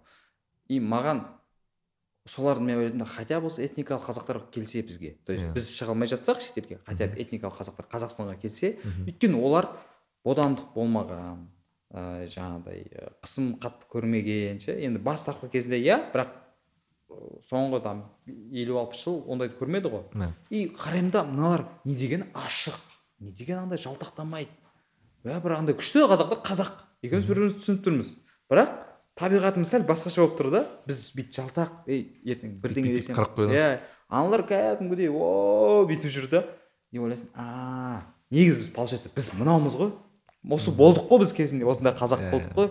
Бірақ бізді басып тастады режим басқаша болса осылай бір Иә. реттеген сияқты ой келемін и мүмкін жаңағыдай буын ауысып бірнеше ұрпақ ауысқаннан кейін қайтадан сол қалпымызға келетін шығармыз. бірақ енді оны күтіп жүруге болмайды да. Қазір бастап кету керек қой жаңағыдай ғой ұялмай өткенімізден ұялмай жаңағы өзімізге тән нәрседен қашпай қабылдап еп Иә. вот бастап кетейік. Иә. Иә керемет. Нұреке көп отыр екенбіз мен былай бір екі мынандай бір блиц бар менде. Все ә, біз ә, кітап көп кітап жайлы көп сұраймыз. О менің үлкен минусым ол. Жоқ неге? Жаңа басында айттым ғой ең тупой қонақ деп. Қазір соның дәлелі ә, қандай ә, бір досыңызға бір мысалы подарок ретінде мысалы сыйлық ретінде қандай бір сыйлыққа үш кітап ұсынар едіңіз өзіңіз? Так ыыы, ұсынатыным егер ол әзілде ну жалпы әзіл жазу бойынша бір именно қазаққа тән әзіл дейінші сонымен ыыы сусындағым келетін қадыр мырзалин иірімі. Менің өміріме әсер еткен ол нәрсе. Жаңағы осы шығармашылыққа келуге. Ол не жайлы кітап? Иірім жалпы қадыр мырзалиннің шығармасы ғой. Мхм. енді оқыған кезде андай мә жаңағыдай айтып отырмын ғой. О қазақ қазақтар осылай әзілдеген екен ғой. Дейсің да Иә. көресің да оқисың да. Былайша айтқанда ләззат аласың ғой ананы оқып ну мен көп әзілімнің формуласын негізі сол жақтан алғанмын әзілдің формуласы. Сол егер ол әзілмен айналысамын деген адам болса м егер м, жаңағыдай дінде сондай бір не болса енді сахих әл бухаридің хадистері. Мхм. енді оны негізі ұстазбен оқу керек дейді ғой бірақ енді өзіңе білім ретінде алу үшін соны айтар едім так үшінші кітап. Қадырбаевтың роднойлар деген айтасың де менде соған ыыы подкол болған. Роднойлар дегенге мен айттым менің голосовойларым деп. Сондай кітап жазамын деп. Бүкіл голос- голосовойларым текст версиясы да. Так үшіншіге енді қиналып тұрмын шынымды айтайын. Өйткені мен ыыы кітап таңдауда былай ғой біреудің рек- рекомендациясынан гөрі өзіңіз. өзім иә бір тауып аламын да. А мынаны оқу керек? Андай бір э, кішкентай кезде бір оқыған кітаптар көбіне әсер етеді ғой күлкілі білмеймін. Мен ііі үшінші төртінші класста ма или бесінші класста ма дым білместің хикаялары деген айға сапары деген. Соның незнайка на луне деген сол да ғой иә? соның қазақшасы ғой николай носовтың. мынандай ыыы, такой серый кітап болды соның қазақшасы. Мен айтып мен орысша қақпаймын ол кезде тем более. Сөйтемін да просто үйде тұр дым білместің хикаялары. Мен өзім жаңағы дым білмейтін адам ретінде есептеймін да бүйтіп қарап о мынау типа мен туралы кітап мынау. Дедім да алып оқып бір үш күнде ма оқып тастадым да. Иә. вау дегенмін сол кезде мә қандай андай. Қиялдауға қиялдың ұшқыр болуына қатты әсер етті сол бала кезден. И енді ол жаңағы бала кездегі болса негізі ә, шаңырақ деген энциклопедия бар. Жалпы. Менің дүниетанымымның кругозорымның кеңеюіне қатты әсер еткен энциклопедия. Кәдімгі қазақ қазақша шаңырақ деген энциклопедия. Қалың ішінде неше түрлі иттердің түрлері. Енді бәрі бар өсімдік бәрі. Былайша айтқанда мен ауылда жатып интернет жоқ бірақ әлемде қандай өсімдік бар қандай иттің түрлері бар қандай елдер бар қандай адамдар бар соның бәрін ана шаңырақ деген энциклопедияны оқып шықтым. Иә. Егер негізі енді мектепте оқытпайды соны ше. Негізі мектепте балаларға енді бәрінде ондай мүмкіндік жоқ қой. Иә. достық жоқ қой. Неше әр мектептің кітапханасы сол шаңырақ энциклопедиясы болу керек және балаларға беру керек оны. Міне танысып шық. Сол кезде сенде миыңда шекара болмайды. Міне әлем міне мынаның ішінде. Иә. Осылай. Осы үш кітап иншалла. Мүмкін осы үшеудің біреуін біз ойнатармыз. А, бізде қазына деген ә, Мм. кітап дүкені бар. Сол кісі қазақша кітаптарды ойнатамыз. Екінші сұрақ анау кішкене не қосу керек? Ііі мүмкін ыыы фантазия қосу керек. Ыыы айтайық сіздің бір неңіз бар да. Ыыы билборд дейді ғой бізде билбордыңыз бар өзіңіздің. Мхм. Ең үлкен. Мхм. Ыыы кез келген зат қоя аласыз. Не қояр едіңіз ол жерге текст емес фото емес. Кез келген зат қоя аласыз. Өзіңіз білесіз. Өзіңіздің инстаграмда жазып қойсаңыз да болады даже. Админ анауын а, жоқ мен, мен онда бүйтетін едім онда онда асықпа асықпа асығыс шешім қабылдама кім болсаң да асықпа асығыс шешім қабылдама и асыққан шайтанның ісі деп бізге дейін айтылып қойған. Меніңше сол. Асығып жүрміз ба біз көп? Ә, нәтижеге жетуге асығамыз ғой. Мм. яғни и сол нәтиже тез жетуге тез асыққаннан тез жете алмай қаламыз. Сосын бетіміз қайтып қалады. Енді, енді өмірімде болған ситуациялар ғой. Көп достарым айналамдағы жігіттер жаңағы тез нәтижеге жетпегендіктен бәрі тастап кетті да өздерін былайша қазір енді қатты да болса да оларға ұнамаса да айтайын қазір сүйікті емес істермен айналысып жүр. Иә. өзі сүйген ісінен нәтижені тез таба алмағандықтан кетіп қалды. Мхм. сондықтан Ұлан- енді өзіме қатысты болғаннан кейін айтып жатырмын да. Иә иә. Асықпау керек. Иә достар асықпай осы подкастты көріп Иә. тыңдағандарыңыз үшін көп рахмет. Бізде бүгін нұрмахан мұханұлы админ ананың подкастына жазылыңыздар. Ыыы нәрікбимен шыққан подкастқа лайк басыңдар десең нәрікбиге көп жақсы комментарий коммент қалдырып кетіңдерші мен Иә. темірланнан қалып қалдым мына жерде. Сосын А, қазақша стендап көріңдер. қазақша стендап иә нұреке көп рахмет. Саған осындай жақсы отырып бізге жазылыңыздар. Ыыы бағана сіздер енді ютубты жақында ғана бастадыңыз колокол дейді Иә, подписаться қоңырау коммент лайк иә соны бөлісу керек. Иә. Рахмет кездескенше рахмет все все нормально вышло? Yeah.